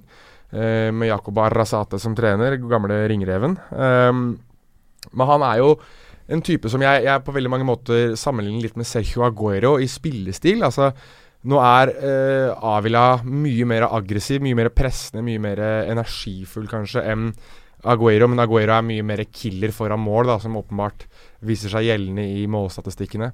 Men, eh, men Avila er, eh, er, en type som jeg er ekstremt glad i, og som jeg trodde at skulle være aktuell for en overgang nå. Så har han dessverre fått en alvorlig kneskade som gjør at han mest sannsynlig ikke spiller resten av sesongen. Men det var ryktet bl.a. i Marca at vi var inne på spissjakten til Barcelona. At det, der hadde agentene vært på besøk på Camp Nou for å se om ikke de kunne få i gang en overgang. Så mm. Han er på det nivået, uh, men han er en bråkebøtte. Og det har liksom vært uh, uttalt før, da, at uh, det har stoppet ham fra større overganger før. Det at man har vært litt usikker på hans karakter utenfor banen, og litt også sikkert innad i klubb.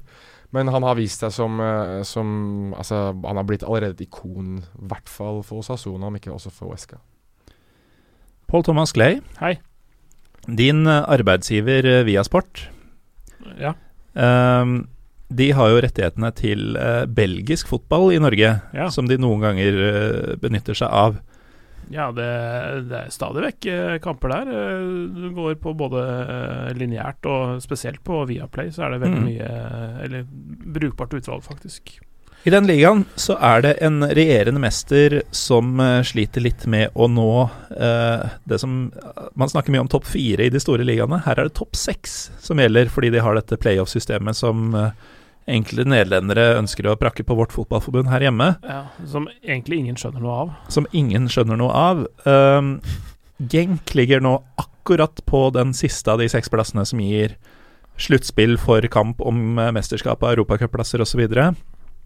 Uh, men med ganske mange kamper spilt. Altså, de strever. De vant i fjor og ligger nå ca. midt på tabellen i Belgia. Med plutselig tre nordmenn, ikke bare Sander Berge. Ja, de har jo henta to i det siste. Mm. Eh, de har vært eh, Det har fått fatale konsekvenser for min favorittspiller uh, Janis Haji. Som Ja. eh, ikke var i troppen engang da de møtte sitt alter ego Gent eh, for noen dager siden. Ja. Uh, eh, men han eh, eh, Jannis, stakkar, han har, har ikke vært eh, bankers eh, i, i elveren før disse kom heller. Nei. Nei, men det altså Alle- Sel, selv om du liker faren, så er det ikke Jeg liker sønnen også. Ja. Men. Noen men- liker mora, noen liker dattera. Jeg Ja. liker både far og sønn. Ja, men, men, men, men eh, det kan at han har arva mer eh, fra mora si enn faren sin i fotball. Er det Eh, du eller jeg som har sett fyren og møtt fyren? Nei, det, nei, nei, jeg skal ikke si noe om, om han. Vent, vent, vent, litt. Sa du nå at du har møtt Janis Haji? Ja. ja. Så det er jo der kjærligheten din kommer fra, at du har møtt ham. Um, han, For han er ikke så god, Morten. han herja så vanvittig i den matchen jeg så han i. for, for, For Vitorull?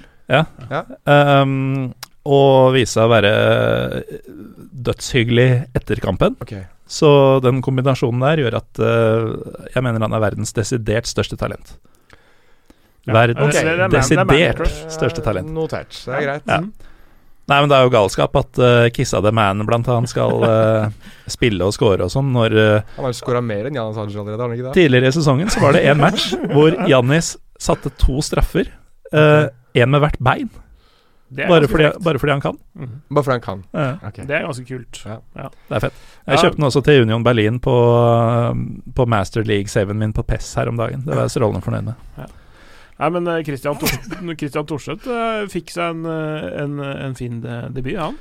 Men i det hele tatt, Ja, altså, de siste skulle- to skulle- åra hans, eller det siste året egentlig, blir det. Ja, sensasjonelt. Det er jo helt vanvittig. Ja, det har vært en uh... Ute i kulda i Stabekk. Ja, ja. Det har vært rakettfart oppover det der, altså. Uh, definitivt. Og, og uh, jeg, skal, skal vi si Jeg, jeg var litt overraska over at uh, Genk la så mye penger på bordet for han. Mm. Uh, men men allikevel, det, det er hyggelig, hyggelig for han, hyggelig for Viking for så vidt også. Overraska over det, Eh, og det at han faktisk var rett inn på laget. Ja, Mm. uh, han, han skulle vel egentlig ikke starte. Det var vel egentlig Masmøller Dæhlie som skulle starte, tror jeg, i den posisjonen. Men det var et eller annet sånn smårusk, så han starta på benken, og Kristian Thorstvedt starta selve matchen. matchen. Og det gikk jo ikke så lang tid, det var 120 minutter eller noe før han skårte. Mm. Eh, og, det, og det var en suser òg. Det var, liksom, det, var ikke noe sånn, det var ikke noe tvil. Det var, det var ikke en sånn fyr som var uh, ikke klar for kamp, det der. Altså, det var, uh, han hadde jo i hvert fall dratt fordel av, at, av det oppsettet til NFF i 2019, da. For han var jo, han var jo i kampform. Uh, han, han, han hadde ikke en uh, tre måneders preseason i beina, sånn som Sånn som norske spillere har på vinteren. Altså virker han jo i det hele tatt som en fyr som er klar, da. Mm. Som har Altså, han er jo sin fars sønn. Men uh, Christian- Christian- på Twitter, da. Christian Thorstvedt uh, tror på seg sjøl, har jeg inntrykk av. Definitivt. Og hvis du er inne på dette med å være fine folk, så Og det at de er talenter på bakgrunn av å kun være hyggelige folk, Morten.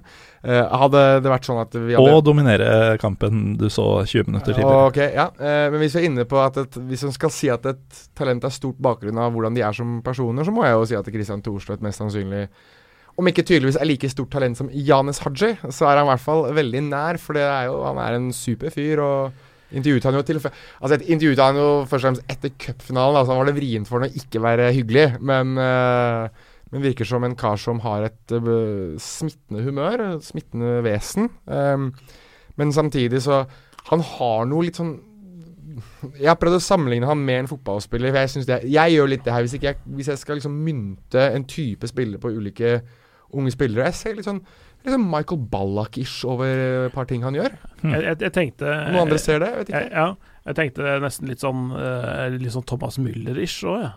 Altså en litt mer litt lenger tilbake i banen, kanskje. Ja. Uh, men altså litt sånn derre Der hvor det er litt vanskelig å sette fingeren på hva han egentlig er god på.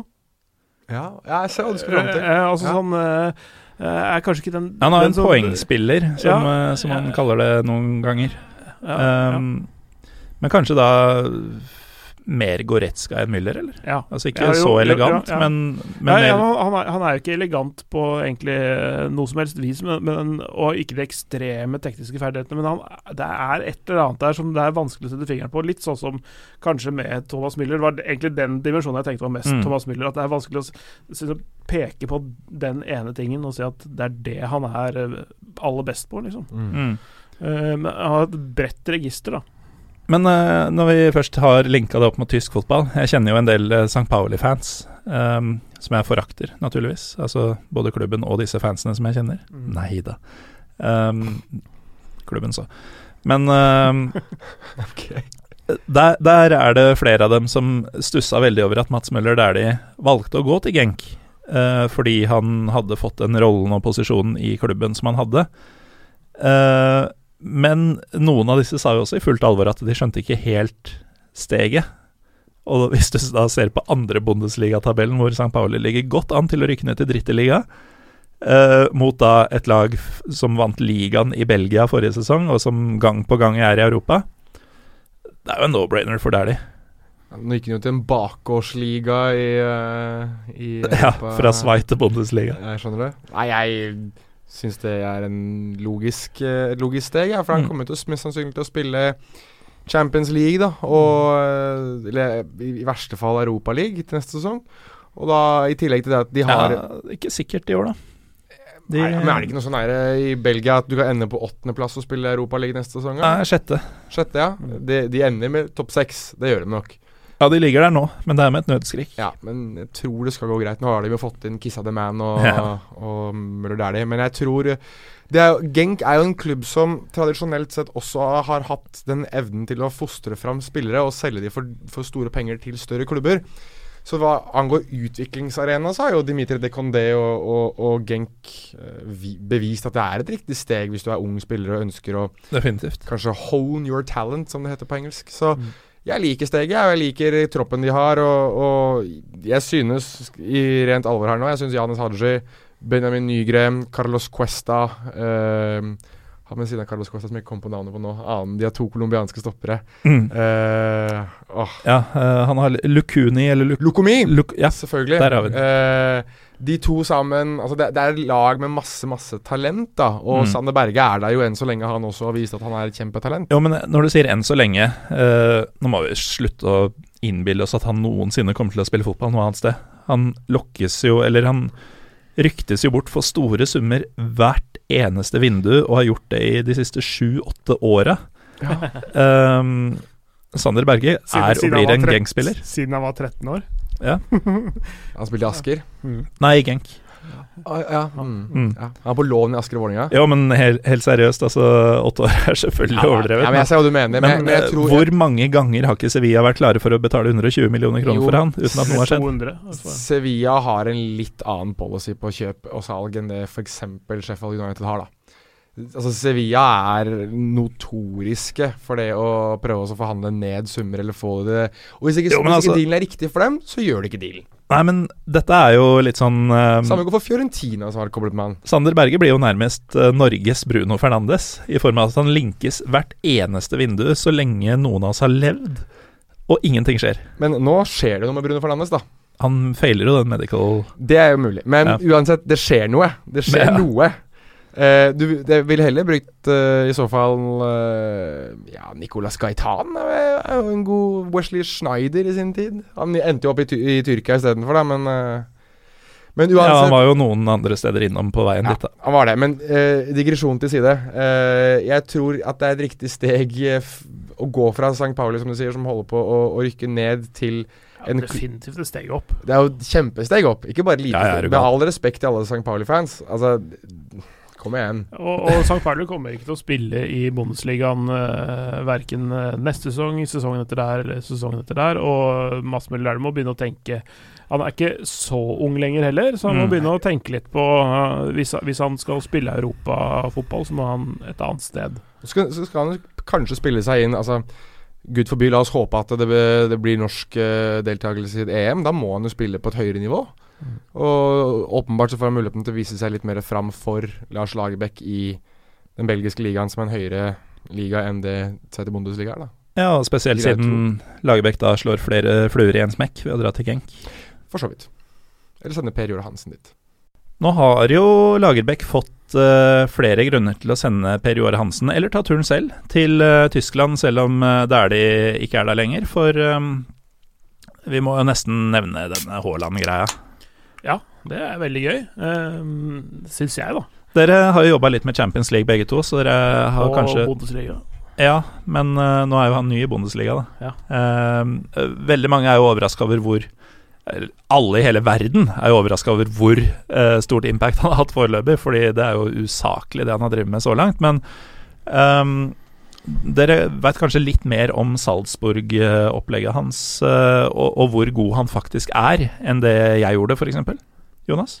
Ja Hvor mye mer vet vi enn at han bøtter inn målet for det dominerende laget i, i Østerrike? Altså, Ja, men han har gjort det samme mot uh, typ Liverpool og Napoli og hva det nå er. jo, det er noe sant, men uh, du spiller fortsatt for et lag som i, på sett og vis er bygget opp på angrepsfotball mer enn på defensiv fotball. Jesse Marsh har jo en interessant måte å spille fotball på, synes jeg. Altså Det skal gå kjapt i, i lengderetningen og pasningskombinasjoner, og det er jo mye synkronisert angrepsspill. Og, og det er jo noe jeg tror Haaland har fått uh, veldig veldig mye ut av. I tillegg så har han typer som Wang, typer som Minamino, som han hadde da, Patson Dacca, han og han ungareren med det vriene navnet som jeg aldri klarer å uttale riktig. riktig. ja. eh, Har du lyst til å prøve?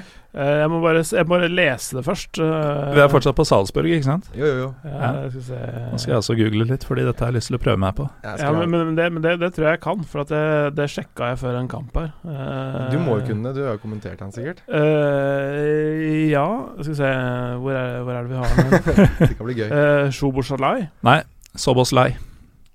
SZ er, er Sobo. Ja, det er, det er Ja. S, mens Ja, men- vanlig S ja. er uh, Jeg, jeg, jeg kjører alltid sånn der how to pronounce på Og Forvo, forvo.com, Ja. der er de gode. Ja. Men Soboslai, da. Ja, fint. Ja, Soboslai. Da skal jeg begynne å si det riktig. De har, han, har hatt han bak seg også, og de har altså offensive backer, Christensen osv., som um, har gjort at det har vært et lag som på veldig mange måter har, har spilt seg fram til mange mange sjanser. da Og da Det høres ut som en ganske smooth overgang spillestilsmessig til eh, Nettopp. Dortmund. Nettopp. Og det var jo derfor jeg personlig mente at det var to klubber som utkrystalliserte seg når de hadde vist sin interesse, og det var Dortmund og eh, RB Leipzig. Mm. Uh, jeg mente at Leipzig virket som en bedre fit, bare sånn on the offset, enn det Dortmund kanskje var også. Men, men åpenbart, når du Fem mål på to kamper, og det som er så skal folk som Ikke er to kamper, to innhopp. To innhopp. Altså, ja. 57 minutter totalt. Ja. Uh, men altså må, må, Det er jo absurd. Jeg så en tweet hvor eh, eh, det var noen som skrev at eh, hvis han opprettholder denne frekvensen, ja. så ender han uh, sesongen med 130 Bundesliga-mål. Altså, han har vel et mål hvert tolvte minutt, var det vel jeg leste meg opp på. ja. Men Tenk å komme i januar og skåre 130 mål i ligaen. Ja, det har vært fint. Eh, Tenk å skåre et mål hvert tolvte minutt i en kamp, da. Det er, hvor mange Ja. ender du på da? det er sju, vel? Er det ikke det? Sju og et halvt? Det Det spørs hvor mye tilleggstid du har, da. Ja. Mm. Kanskje Ja, du får dytta inn en åttende en sånn litt inn i uh, overtida. Ja. Du, du skårer sju eller åtte i hver kamp. Ja. Noe sånt noe. Men, men altså uh, Jeg kan jo være den kjedelige, jeg, uh, og si at dette her er jo en sånn honeymoon-greie. Han kommer ikke til å score Eller litt, litt sånn som uh, Altså til- Litt sånn som andre Dortmund-spillere sa etter den der eh, forrige kampen, eh, den hvor han skårte to hjemme, mot Køln, var det ikke det? Kjøln? Kjøln? ja. Kjøln. Eh, også, Det har du sagt på lufta! Jeg veit det. Det har det etter din bestilling. Freudian Eh, slip-opplegg. Ja. Nei, men uh, En slipp, ja. Eh, nei, men eh, som de andre Dortmund-spillerne sa etter Kjøln-kampen, eh, så sa de at de var egentlig litt skuffa over utviklinga til Haaland, for han, nå skåret han bare to, og ikke Mm. tre. Men det kommer til å komme kamper hvor han eh, både, bare skårer ett, og hvor han ikke skårer i det hele tatt. Og Ja, så på lørdag skal han jo møte Neven Subotic, Ja. så da blir det null. Ja, ikke sant? Mot Union Berlin så kan jo de fleste knekke. Mm. Uh, um, nei, men, men altså Jeg syns også Jeg syns kanskje Jeg har jo kommentert RB Leipzig en god del i Bundesliga også. Jeg syns faktisk kanskje Dortmund er en bedre fit, sånn sett. Faktisk. Det mente jeg altså, for, fordi jeg, jeg det, det har noe med, med kantene deres og måten de Altså, de spiller ofte litt, litt brei Altså breiere, med litt mer vingspill. Ja. Um, eh, Skyhøye og, og, bekker en, og- og enda litt kjappere i lengderetningen. Så, så, på, en, så, så på to vis så, så er de enda bedre suta for uh, Haaland, enten det er innlegg fra kant, og han er sterk i boksen, Mm. og plasserer seg, beveger seg faktisk veldig godt også inne i boksen, Uh, og så er han lynkjapp. Uh, og det er det som overrasker en del eh, folk, tror jeg, at eh, det er ikke noe sensasjonelt i seg sjøl at en høy og svær spiller er rask, men han akselererer så fort. Mm. Eh, at han eh, går fra, fra stillestående til, til, eh, til toppfart på ganske kort tid, i, og mye kortere enn det man forventer av så store spillere. Og det, det så du annet eh, keeperen til uh, Kjøln uh, sleit litt med på den der eh, andre målet hans. Køln! Ja. Eh, ja, men du, du ser han feilberegner, feilberegner hastigheten til, til Haaland. Ikke sant? Han ryker ut og, og blir lurt av det der. Og, og, Mm. Eh, Ja, for det er noe sånn halvnonsjalant over uh, All ære til Haaland som rekker den ballen før Ja. Timo Horn, men ehm, ja, men han tror han har god tid. han Nettopp. Han skjønner ikke hva som kommer. Nei. Og, og, det er, og, og det er, han er en sånn, rett og slett sånn freight train uh, som er egentlig uten bremser. Akkurat for øyeblikket. Jo, ja, definitivt. Eh, og, det, og det er utrolig fascinerende å se på. Og jeg syns det er deilig å se at det er, det er en spiss som på en måte ikke skal hele tida prikke, prikke inn i vinkelen. Det er ganske enkle måter å avslutte på. Litt sånn, eh, sånn eh, si Den skal forbi keeperen og inn i nettet. Ja, det er og- alt som eh, ja, teller. Og det er litt, litt sånn som uh, uh, Litt sånn som um, Alan Shearer i sin tid sa at han prøvde, sikta aldri på vinkelen, selv om han ofte traff der også. Så var det eh, hans Så han bomma stort sett? nei, men hans, hans, øh, hans hovedtanke når han avslutta, var å sette den på mål. For han sa at altså, hvis du setter den på, på mål, så har du en ganske mye større sjanse for å score enn hvis du skal hele tida sette den i vinkelen, for da går den veldig ofte utafor. Men hvis du hele tida setter ballen alltid innafor ramma, så går den oftere inn. Rett Mm. og slett. Og det er litt den typen. Altså det er ikke, du prøver ikke å gjøre det på den flotteste måten, men på den mest effektive måten. Og han bruker ofte innsida til å avslutte med, trenger ikke strak rist nødvendigvis. Altså sånn derre han, han tenker ikke så veldig mye på hvordan han scorer, bare at han scorer. Hører du også knitring på ørene, Pål Thomas? Ja, litt. Ok, da er det ikke bare headsetet mitt. Da tar vi en liten stopp og ser hva som skjer. Da har tekniker Bråten fiksa elektronikken, og pipinga og sprakinga er borte. Eh, vi prata jo om eh, Erling Braut Haaland, og nå skal vi gjøre oss ferdig med han, men eh, han skal jo som sagt møte Neven Subotic og Union Berlin nå på lørdag. Og eh, Spørs om han tør, da. jo, men det som er litt fett med det, er jo at dette blir jo, så vidt jeg veit, Neven Subotic sin første tur til Westfalen stadion siden han var Dortmund-spiller. Ja, det er kult. Så det kan stemme. Mhm. Det er jo ganske fett i seg sjøl. Mm. og så blir det ikke veldig gøy å være Union-fan uh, den dagen, er jeg ganske sikker på. Men, uh, men eh, ja, det, det blir en interessant eh, velkomst, for det er virkelig en kulthelt uh, både i fotballen generelt, men spesielt i Dortmund. Jeg er sikker på at det er første gangen han eh, For han var jo Sankt Etienne så var han, Han var, nei, han var på utlån i Hold dere fast Kjøln i 2017. Ja visst, ja. 2017. Ja, kanskje han har vært der, da. Men uh, ja, nei, da, da var det ikke noe. Men uh, det er uansett kult å se Subotic på Westfalen stadion igjen. Ja.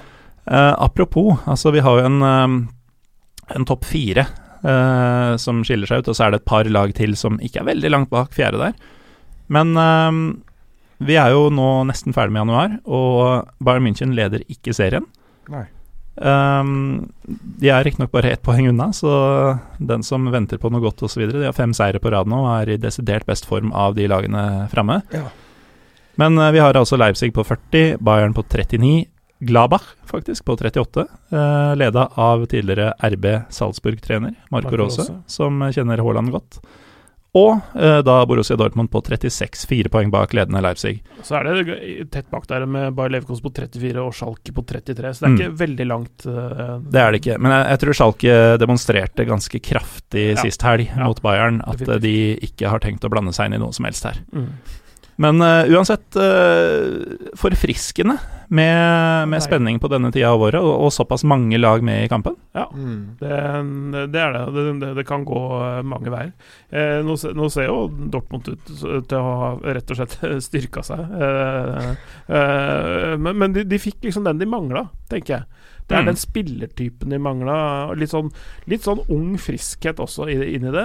Eh, Så Paco Alcácer har gjort ting ok, han, i, i Dortmund. Mm. Men eh, han er jo ikke en eh, Altså, hvis du har han på det ene laget og Lewandowski på det andre, så er det ikke Alcázer som går seirende ut av gullstriden. Nei. Eller er det det, Jonas? Nei, jeg du som er kjenner best. Nei, jeg er helt enig, men det snakkes jo om at Alcázer forsvinner til Villarreal nå uansett, så det ja, han, han var misfornøyd med at de henta Haaland, for å si det Ja. sånn. Ja, ja. Rett ut dritforbanna. Uh, uh, men men uh, jeg, jeg tror jo Bayern tar det uansett, f- rett og slett fordi de har det, det breieste Det er sånn det alltid breieste- går. Ja, men det er, det er noe med Hvis du ser på stallen der, da. Den er, den er brei, altså. Der kan de f stort sett fylle på uh, um, Det var jo et spørsmålstegn hvordan de skulle gjøre det bak etter at Syle røyk uh, korsbåndet, han òg, tidlig i sesongen. Men de løste det med å skyve Alaba inn, og Alfonso Davies har vært veldig veldig god på venstrebekken. Uh, så der- Ja, overraskende. Ja. Han var jo tenkt en sånn eh, jokerrolle lenger fram i banen, han, og Ja, ja. kanskje få noen innhopp her og der. Han er egentlig en kantspiller, ikke sant? Mm. Det er jo, men det var jo altså Leipzig som var Hva heter det for noe? Herbstmeister, er det ikke det det heter? Hvis du vinner eh, du ja. der, er da du er liksom leder tabellen halvveis. Ja. Mm. Det er vel noe sånn høstmester eller noe sånt? Ja, det er noe du- sånt. Ja. Mm. Uansett, på det siste, siste tiåret nå, så var det vel åtte av ti ganger at den som var da Herbstmeister, også gikk hen og vant Bundesliga. Jeg tror den eneste, De to eneste gangene var vel Dortmund i fjor.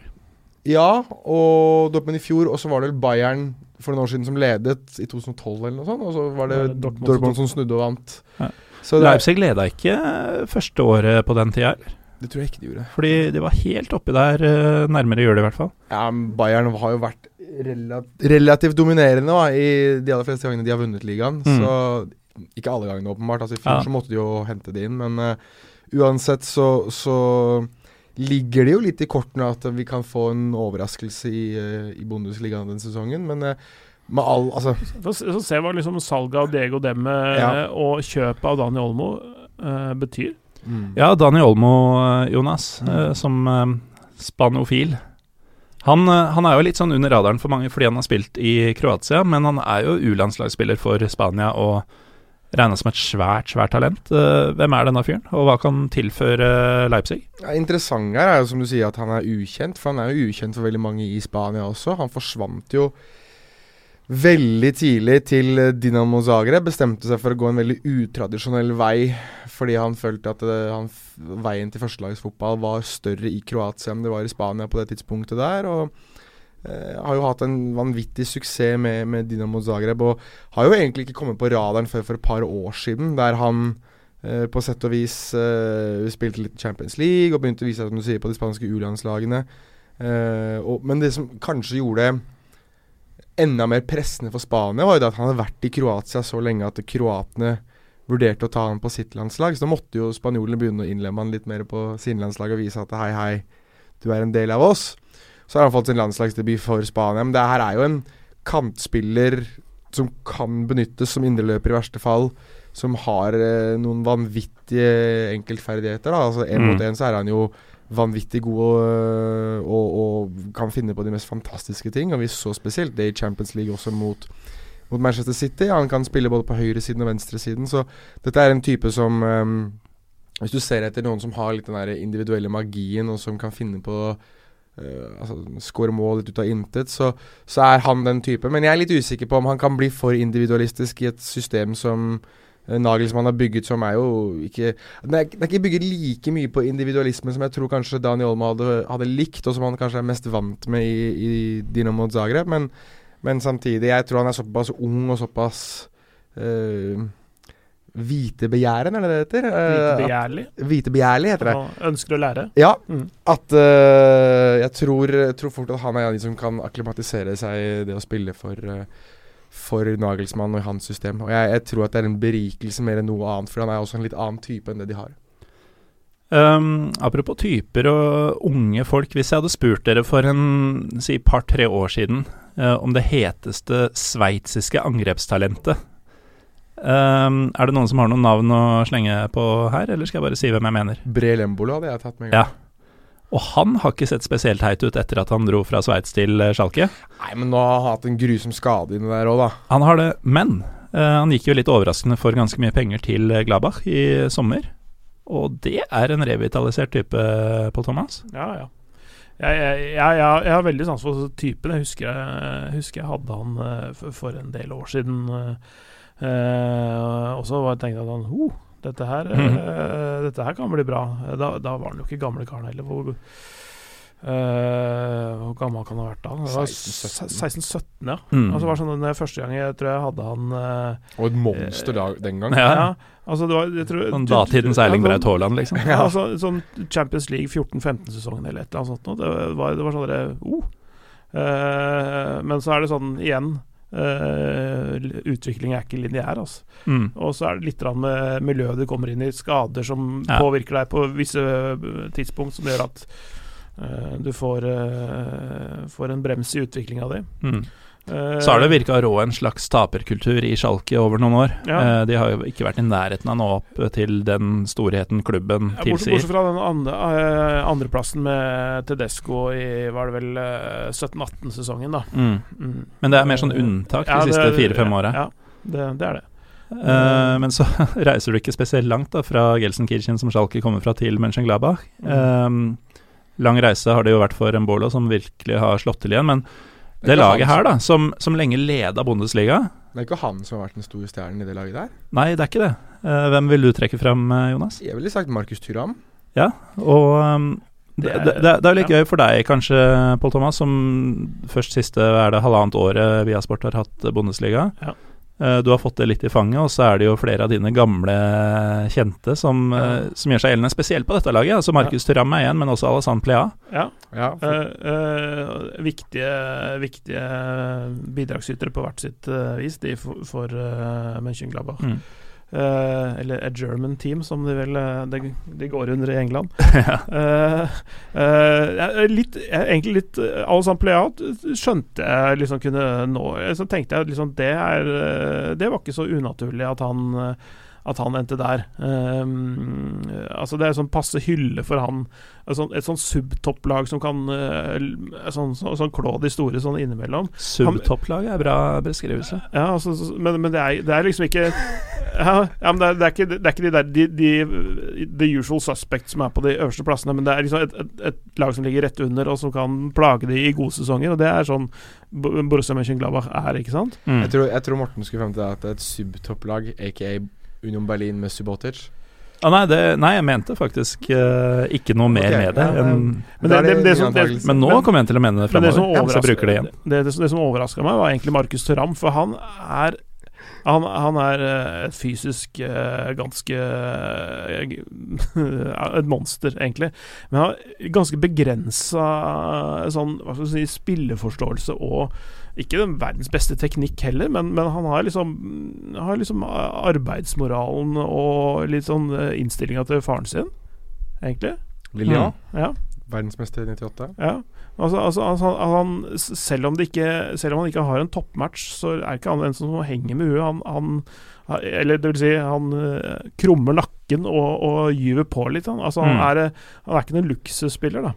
Eh, Han er jo en okse. Ja, uh, ja, som da krummer nakken og gyver på. Ja, og han er liksom Ja, men altså, han, han, han er liksom Sånn passer litt inn i Tyskland, hvor det er hardt arbeid, da. Mm. Uh, og det, han kommer jo også fra en For så vidt fra en klubb og et lag som Som ikke er noe sånn fine, spilt noe feinschmecker-fotball. Ganga. eh, i, eh, i Bretagne. Eh, så, så, så, sånn sett så, så sånn, Der tror jeg ikke kulturforskjellen er så stor sånn eh, Mm. mellom de to lagene. Så det er egentlig eh, Men, men, men eh, fortsatt jeg, jeg, jeg eh, så ikke helt den komme. At Nei. han skulle være en sentral brikke i et bondesligalag et Bundesliga-lag som kjemper om eh, pallplass. Altså. Det, det så jeg ikke. Ikke bare pallplass, de er jo nå to poeng fra å lede serien etter eh, over halvspilt. Og, og dette er jo litt kult med det mm, Marco Rose-prosjektet i Gladbach. Det er jo at man tenkte jo at dette ville ta litt tid å sette, og kanskje ville han ikke få den tida fordi det er ehm, som et subtopplag. Mm. Uh, det har vært en del treneravganger i den klubben de siste årene. At uh, hvis det ikke klaffa sånn relativt tidlig, så ville antagelig Råse ikke få muligheten til å bygge det laget som uh, Som det virker som han kan bygge, da. Mm. Men eh, det at typer som Embolo og Tyram, som ikke har vært ansett eh, som spillere for topplag, Mm. kan bidra såpass som de har gjort for et lag som nå er nærmere seriegullet i, eh, i Tyskland enn det Dortmund er. By- by- Bygge lag uten store stjerner, litt sånn som vi var inne på Mm. Ja, for det er ikke med noen Atma- enere på det laget. Ja, så, så vi, litt sånn som vi var inne på med Atalanta, egentlig. Mm. Ikke sant? Du, du har noen sånne uh, kulturbærere. Liksom Oskar Wendt har vært der i mange år, Jan Sommer har vært der i mange Lars år. Stindl, Rafael Ja, ja. ja.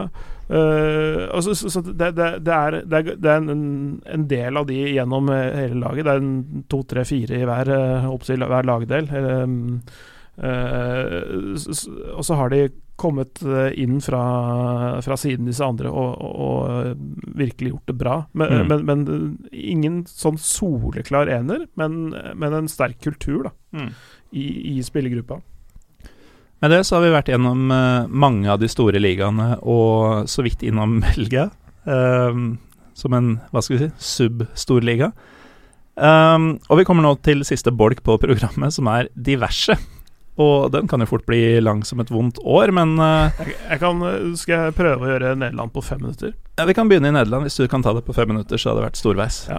Altså, der er jo Ajax på topp, eh, eh, som forventet. Eh, de har eh, tre poengs ledelse til Aset. Den har krympet voldsomt i det siste, fordi Ajax har faktisk tapt tre av de fem siste seriekampene sine. Når du sier som forventa, eh, både de Jong og de likte ut uh, sist sommer Men de, men de har eh, De har fylt på eh, bra, og de har hatt Altså, de fylt på nedenifra og ovenifra. Altså, de har eh, Altså, Sim de Jong som har kommet tilbake, det er ikke noe Det er ikke noe sånn Det er ikke blodsexy. Nei, og så har de hatt Huntelar der en stund, og så og så er faktisk Ryan Babel tilbake nå. Heller Eh, ikke blodsexy. Nei, men, men, men det er liksom det, er det, det de har fylt med på, eh, Mm. på toppen. Så har de hatt en 13-14-15 spillere som har vært uh, veldig gode, og så har de uh, unge gutter som kommer nedenifra i tillegg. Eh, så, så det er, er forventa at de er på toppen. Eh, de, de har også ressurser som er eh, på en helt annen planet enn alle de andre klubbene, eh, også PSV. Altså PSV Mm. har, ikke, har bare en brøkdel av ressursene til eh, Ajax. Eh, Men forrige sesong så, så jo PSV lenge ut til å ikke bare kunne utfordre Ajax, men å knuse dem, i hvert fall på deler av høstsesongen. Ja, de, de, var, de var gode da. Og, og de er jo nå mm, ikke engang på medaljeplass. Ja, det, det er eh, det har, det har litt med noen spilleravganger å gjøre. Eh, F.eks. Erving Lozano, eh, som er en veldig, veldig viktig spiller der. Eh, og det at eh, Det var den vanskelige andre sesongen til Mark van Bommel. Eh, han fikk fyken nå i desember.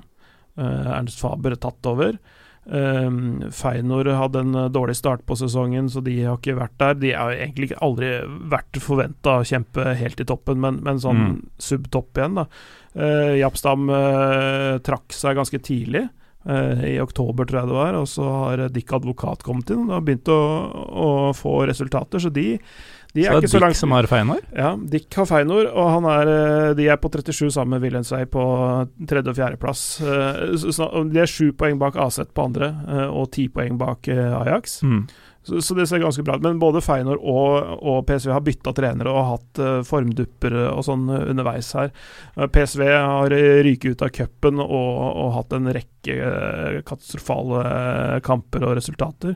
De, de starta Europaligaen eh, bra. De vant, de slo Sporting Lisboa hjemme og knuste Rosenborg på Lerkendal 4-1. Og så etter det så tok de to uavgjorte eh, kamper og tapte to kamper. Skal si at så de, de- de, var en skåring scoring fra Haugesund fra å ikke engang komme til Ja, ja. eh, Men, men det det var liksom preseason-greie. Sånn, okay, sånn, at, sånn at du på en måte viste liksom eh, Det, det er sånn, et sånn treningstungt eh, lag som ikke er, som undervurderte Haugesund, og som bare liksom Ja, de, de klarte å komme seg Ok. gjennom. Uh, men men topp, litt av toppene de kan prestere, det viser de mot Rosenborg på Lerkendal. Men har de solgt seg ut nå av det å kunne komme opp igjen i gullkampene? med det, vil det tror, jeg, tror, jeg, tror jeg det aldri Jeg tror de har avskrevet sesongen, rett og slett. Okay.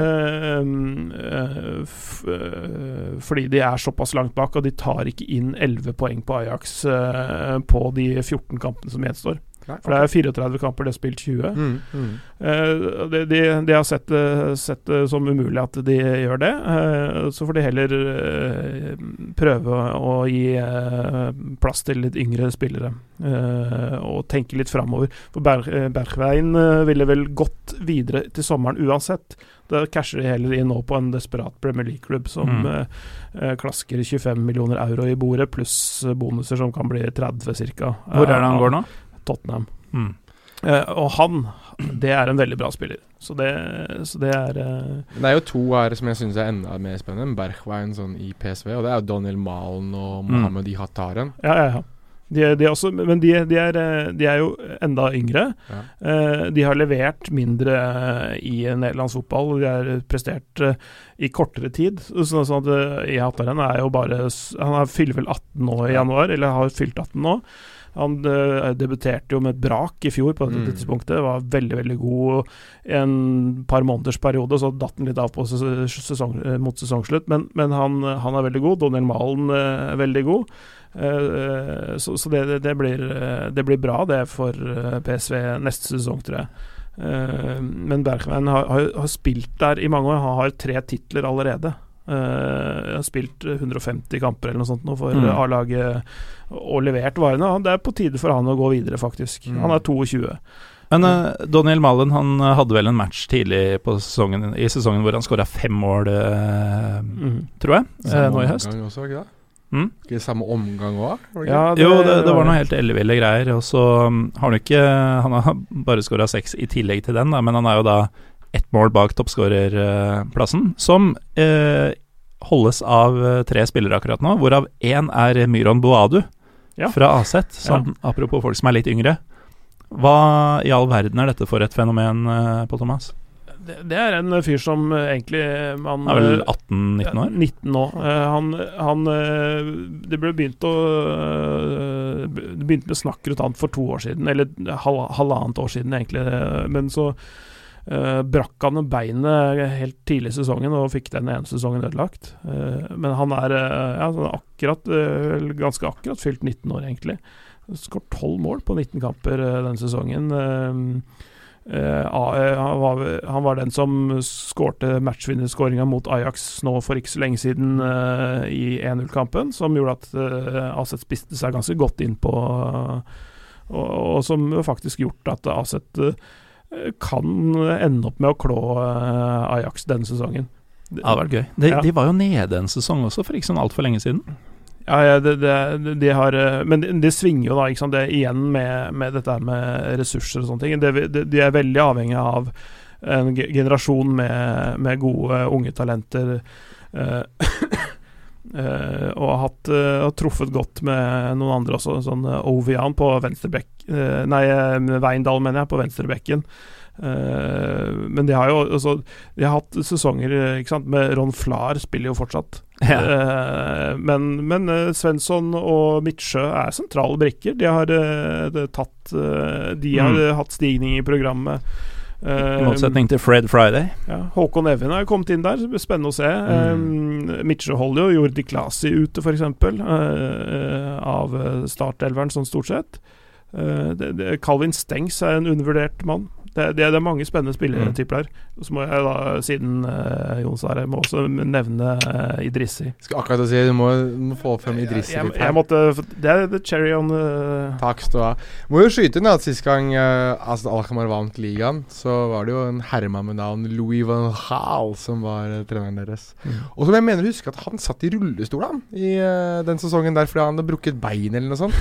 Uh, så han satt i rullestol på sidelinja. Er det en fyr som kan eie det å sitte i rullestol, så tenker jeg det er Louis van Hall. Det må være det. Jeg tror, jeg tror, tror, tror, han kommer til å kle det å sitte på gamlehjem og være sånn bitter gammel mann og sitte Ja. og bjeffe fra rullestolen sin. Det kommer han til å Jeg sette stor Louis van pris på. Gaal én gang, og det, det var et av de eh, mest minneverdige øyeblikkene mine fra den kvelden. Og det, den kvelden var jeg i Stockholm på Friends Arena for å se Manchester United slå Ajax i Europa League-finalen, og da møtte Eller møtte, møtte Altså Louis van Haas skulle gå gjennom folkemengden utenfor uh, Friends Arena-kampen. Jeg har et bilde med Louis van Haas som jeg er uh, egentlig litt i overkant stolt over å ha, uh, men det er uansett et bilde med Louis van Haas. Men eh, dine fem minutter om eh, Nederland er godt og vel eh, over, uh, Pål Nå skal vi inn til på dine 25 minutter om Tyrkia, eller? Men Ja, Hvis dere vil snakke om Tyrkia, så kan vi gjerne det. grunnen til at, i hvert fall at Ajax har sluppet folk innpå seg, er at Danny Blindt er ute med Ja. hjertefeil, og det er, det er ødeleggende for det Ajax-laget. Mm. Definitivt. Det har noe med hvordan de igangsetting, eh, lederegenskaper ute på banen eh, i garderoben Sa du og. Daniel eller Daly? Jeg sa vel eh, Daily Blindt. Jeg lurer på om du sa Danny. Men, Ja, Danny Blindt skal få lov til å sitte på tribunen uansett. Da. Mm. Daly skal få lov til å spille når hjertet hans tikker og går igjen. mm. Men I hvert fall på riktig måte. Jeg håper ja. han tikker og går, i hvert fall. var det noen som ville snakke Tyrkia, sa dere? Du kan snakke Tyrkia hvis du vil det. Ja. Men da, du må jo forklare oss først og fremst hvordan, hvorfor og hva er det som har skjedd som gjør at um, Alexander Sørloth uh, gjør det så bra? Uh, ja, det er um, ganske interessant. Altså, det, dere veit jo sikkert som veldig mange av lytterne at uh, tyrkiske klubber, og da spesielt de store, liker å hive masse penger etter folk som er kult å ha bakpå drakta til klubben sin. Uh, Ja. Van Persie-typer osv. Um, Sturridge. Trabzonspor har jo ja, Men uh, han har også levert faktisk eh, ganske bra. Uh, interessant spisspar, egentlig, med Sturridge og Sørloth der i, i Trabzon. Men, men de har jo da gjort noe, og, og det har Fenerbahçe også gjort denne sesongen. De har bestemt seg for at uh, i stedet for å tjene penger på salg av drakter med en fyr som til slutt ender med å frustrere supporterne med at han ikke leverer, så har de henta en eh, spisstype de trenger, og da gjerne en spillertype, eller en spiller som er sulten på suksess, da, som vil få det til i den klubben, heller enn eh, en som kommer for pengene. Spiller som har noe å bevise, rett og slett. Rett og slett. Ja. Eh, Alexander Sørloth har da passa veldig godt inn i akkurat det. Han er en fyr som uh, nok føler at han har litt å hevne etter fadesen i Crystal Palace. Eh, og det at han i det hele tatt trenger å få karrieren opp igjen. Nå er det jo en forholdsvis eh, halvbrukbar sjanse for at Norge skal spille et mesterskap. Når du har eh, Joshua King, Erling Braut Haaland osv. å konkurrere mot, så trenger du å levere hvis du skal inn i den troppen. Ja, definitivt. Så de, Trabzon har rett og slett gjort det som engelske klubber gjorde på 90-tallet. De har investert i en fyr som de veit kommer til å jobbe knallhardt og gjøre sitt beste. Som kanskje ikke er den mest sexy eller flamboyante spilleren, men som bruker du han riktig, så vil han gjøre alt i sin makt til å få det til. Ja. Um, og jeg vet ikke hvor vant de er til det, men altså Rune Lange hadde jo en ganske bra karriere også i Trabzonspor, hvis man først skal snakke om litt sånn store, teknisk begrensa spisser, da. Uh, han fikk jo ikke lønna si til slutt, så får vi se Skulle hvordan si det var dårlig betalt. ja, får vi se åssen det Eh, blir med, med Sørloth når det Når det butter. Men øh, ja, det, det å få inn en profesjonell arbeidshest som, øh, som ønsker å levere, det er øh, ikke så veldig vanlig for de store klubbene i Tyrkia, i hvert fall ikke på topp. Nei. Uh, og men, men, men, men det er populært med, med, med hardtkjempende, hardtarbeidende folk i Tyrkia. Det, det er det jo. ja, det er det. Uh, Men de, det er ikke- de liker den typen som går i krigen for å slåss, liksom. Supporterne elsker det, Ja. og øhm, øh, oftest så tjener lagene bedre på det enn å ha en sånn labbende soldado uh, som Mm. ikke har scora på fire år, liksom, uh, gående rundt der oppe. Vincent Jansen. Han gjør det veldig bra i Granada for øvrig, Roberto Soldado. Gjør han det? Ja, gjør det bra, gjør det bra. Han, han er bedre enn man skulle forvente, i hvert fall. Mm. Ja.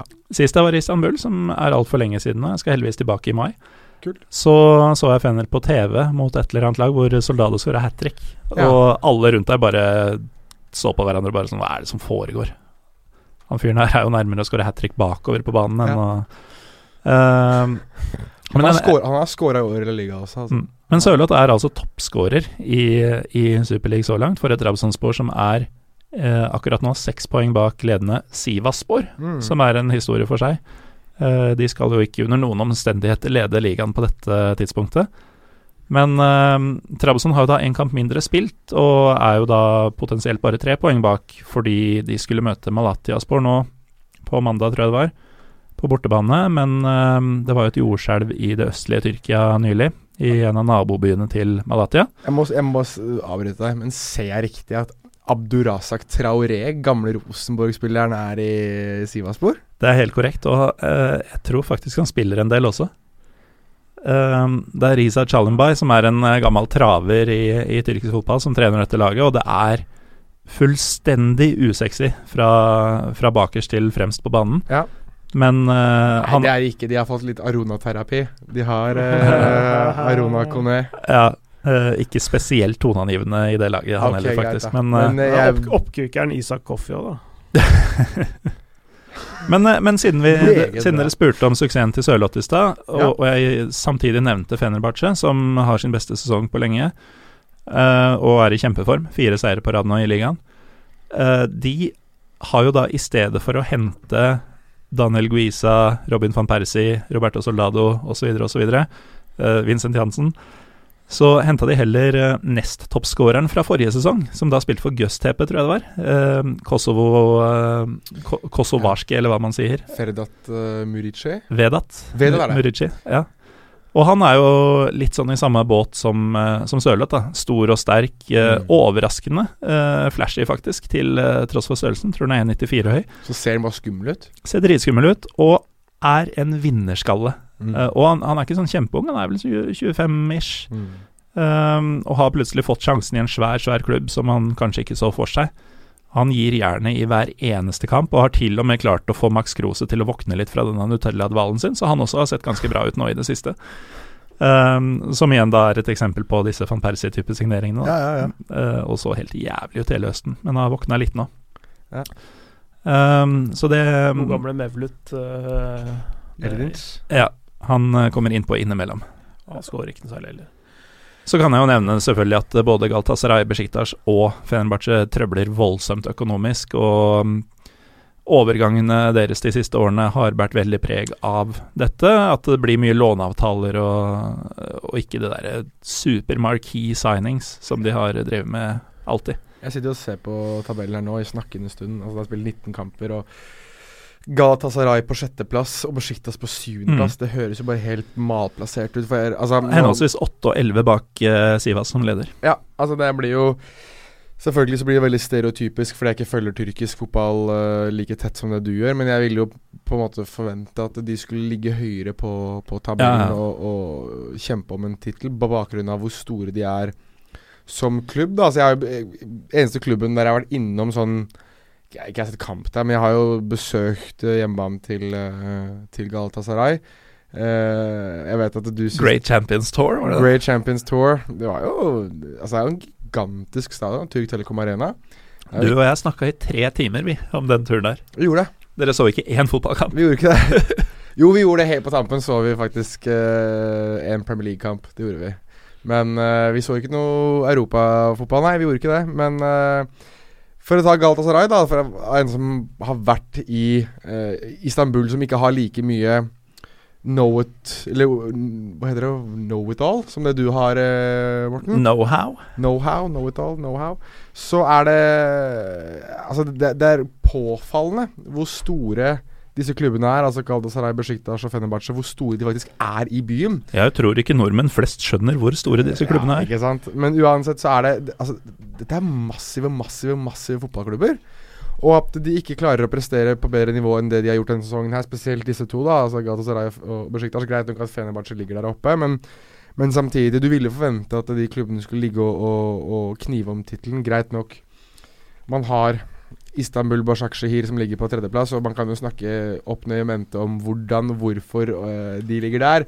Jeg vet at du har veldig mye meninger på hjertet der, uh, Morten. Du sitter og dirrer av å ville si noe om dem. Ja, det har faktisk litt med noe annet å gjøre. Men siden du nevner dem, eh, Jonas, så um, Altså, jeg, jeg hater jo Bashakshehir med hele mitt hjerte. og vi har egentlig ikke tid til å ta det sånn i detalj nå, men uh, for et halvt års tid siden så var det en artikkel i Josimar om uh, denne klubben skrevet av vår gode venn i Stockholm, Ekim Chalar. om de tette båndene mellom det ledende AKP-partiet, altså partiet til Erdogan eh, og denne klubben, og hva slags redskap for eh, ja, de, de, deres versjon av rettferdighet eh, er. Eh, og så har de i tillegg da uh, min nemesis Fredrik Gulbrandsen på laget. Ja, riktig. Så det, det, nei, det, det er en egen episode Bashakshir. Um, ble de, faktisk de kjøper vel snart Martin Ramsland, de da. Må jeg dessverre be deg om å gå. Nei da.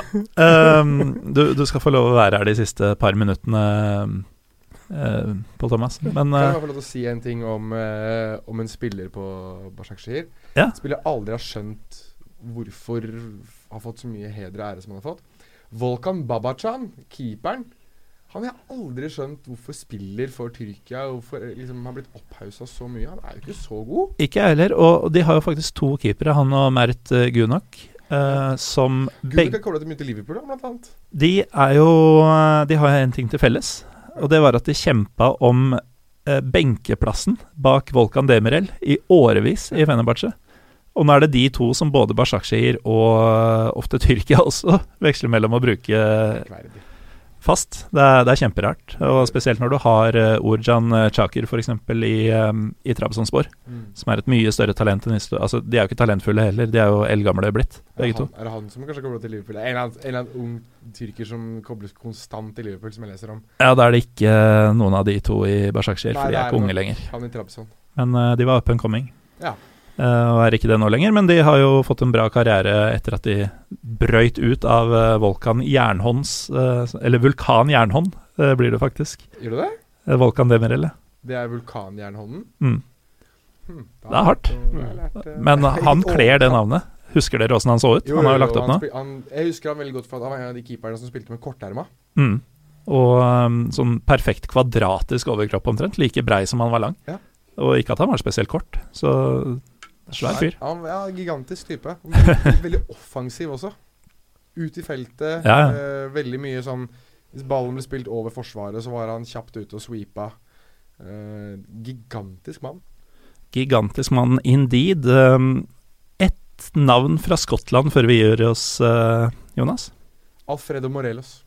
Selvfølgelig. Spanskklingende angriperen til um, Det er derfor, eh, det er derfor eh, Rangers har eh, 32 Red som sponsor på skjorta. Vi sier så. Der har vi det. Um, 32 for å være eh, antall mål han kommer til å skåre i år. da um, må vi nesten gi oss, selv om vi sikkert kunne prata om andre småligaer og for så vidt store også. Men uh, vi har bikka to timer, og det er det vi kaller middels i, i Pyro Pivo-sammenheng. Uh, takk, Jonas Giæver, for at du var med. Jo, takk. Det er alltid en ære for at du er her. Takk, Paul Thomas Clay, for at du var med. Det er jo bare hyggelig. Får jeg lov til å gå hjem nå? Jeg må ikke være her til neste episode. Nå kan du få lov å gå. Ja, takk. Nå har jeg andre planer for neste uke. Ja, bra. Um, og da gjenstår det egentlig bare å takke for meg også, Morten Gallosen, og be dere om å følge oss i sosiale medier. Pyro Pivopod på Twitter og Instagram. Og så har vi også en Facebook-side som jeg alltid glemmer. Pyro og Pivo på Facebook. Takk for nå, og så høres vi om et eller annet om en ukes tid.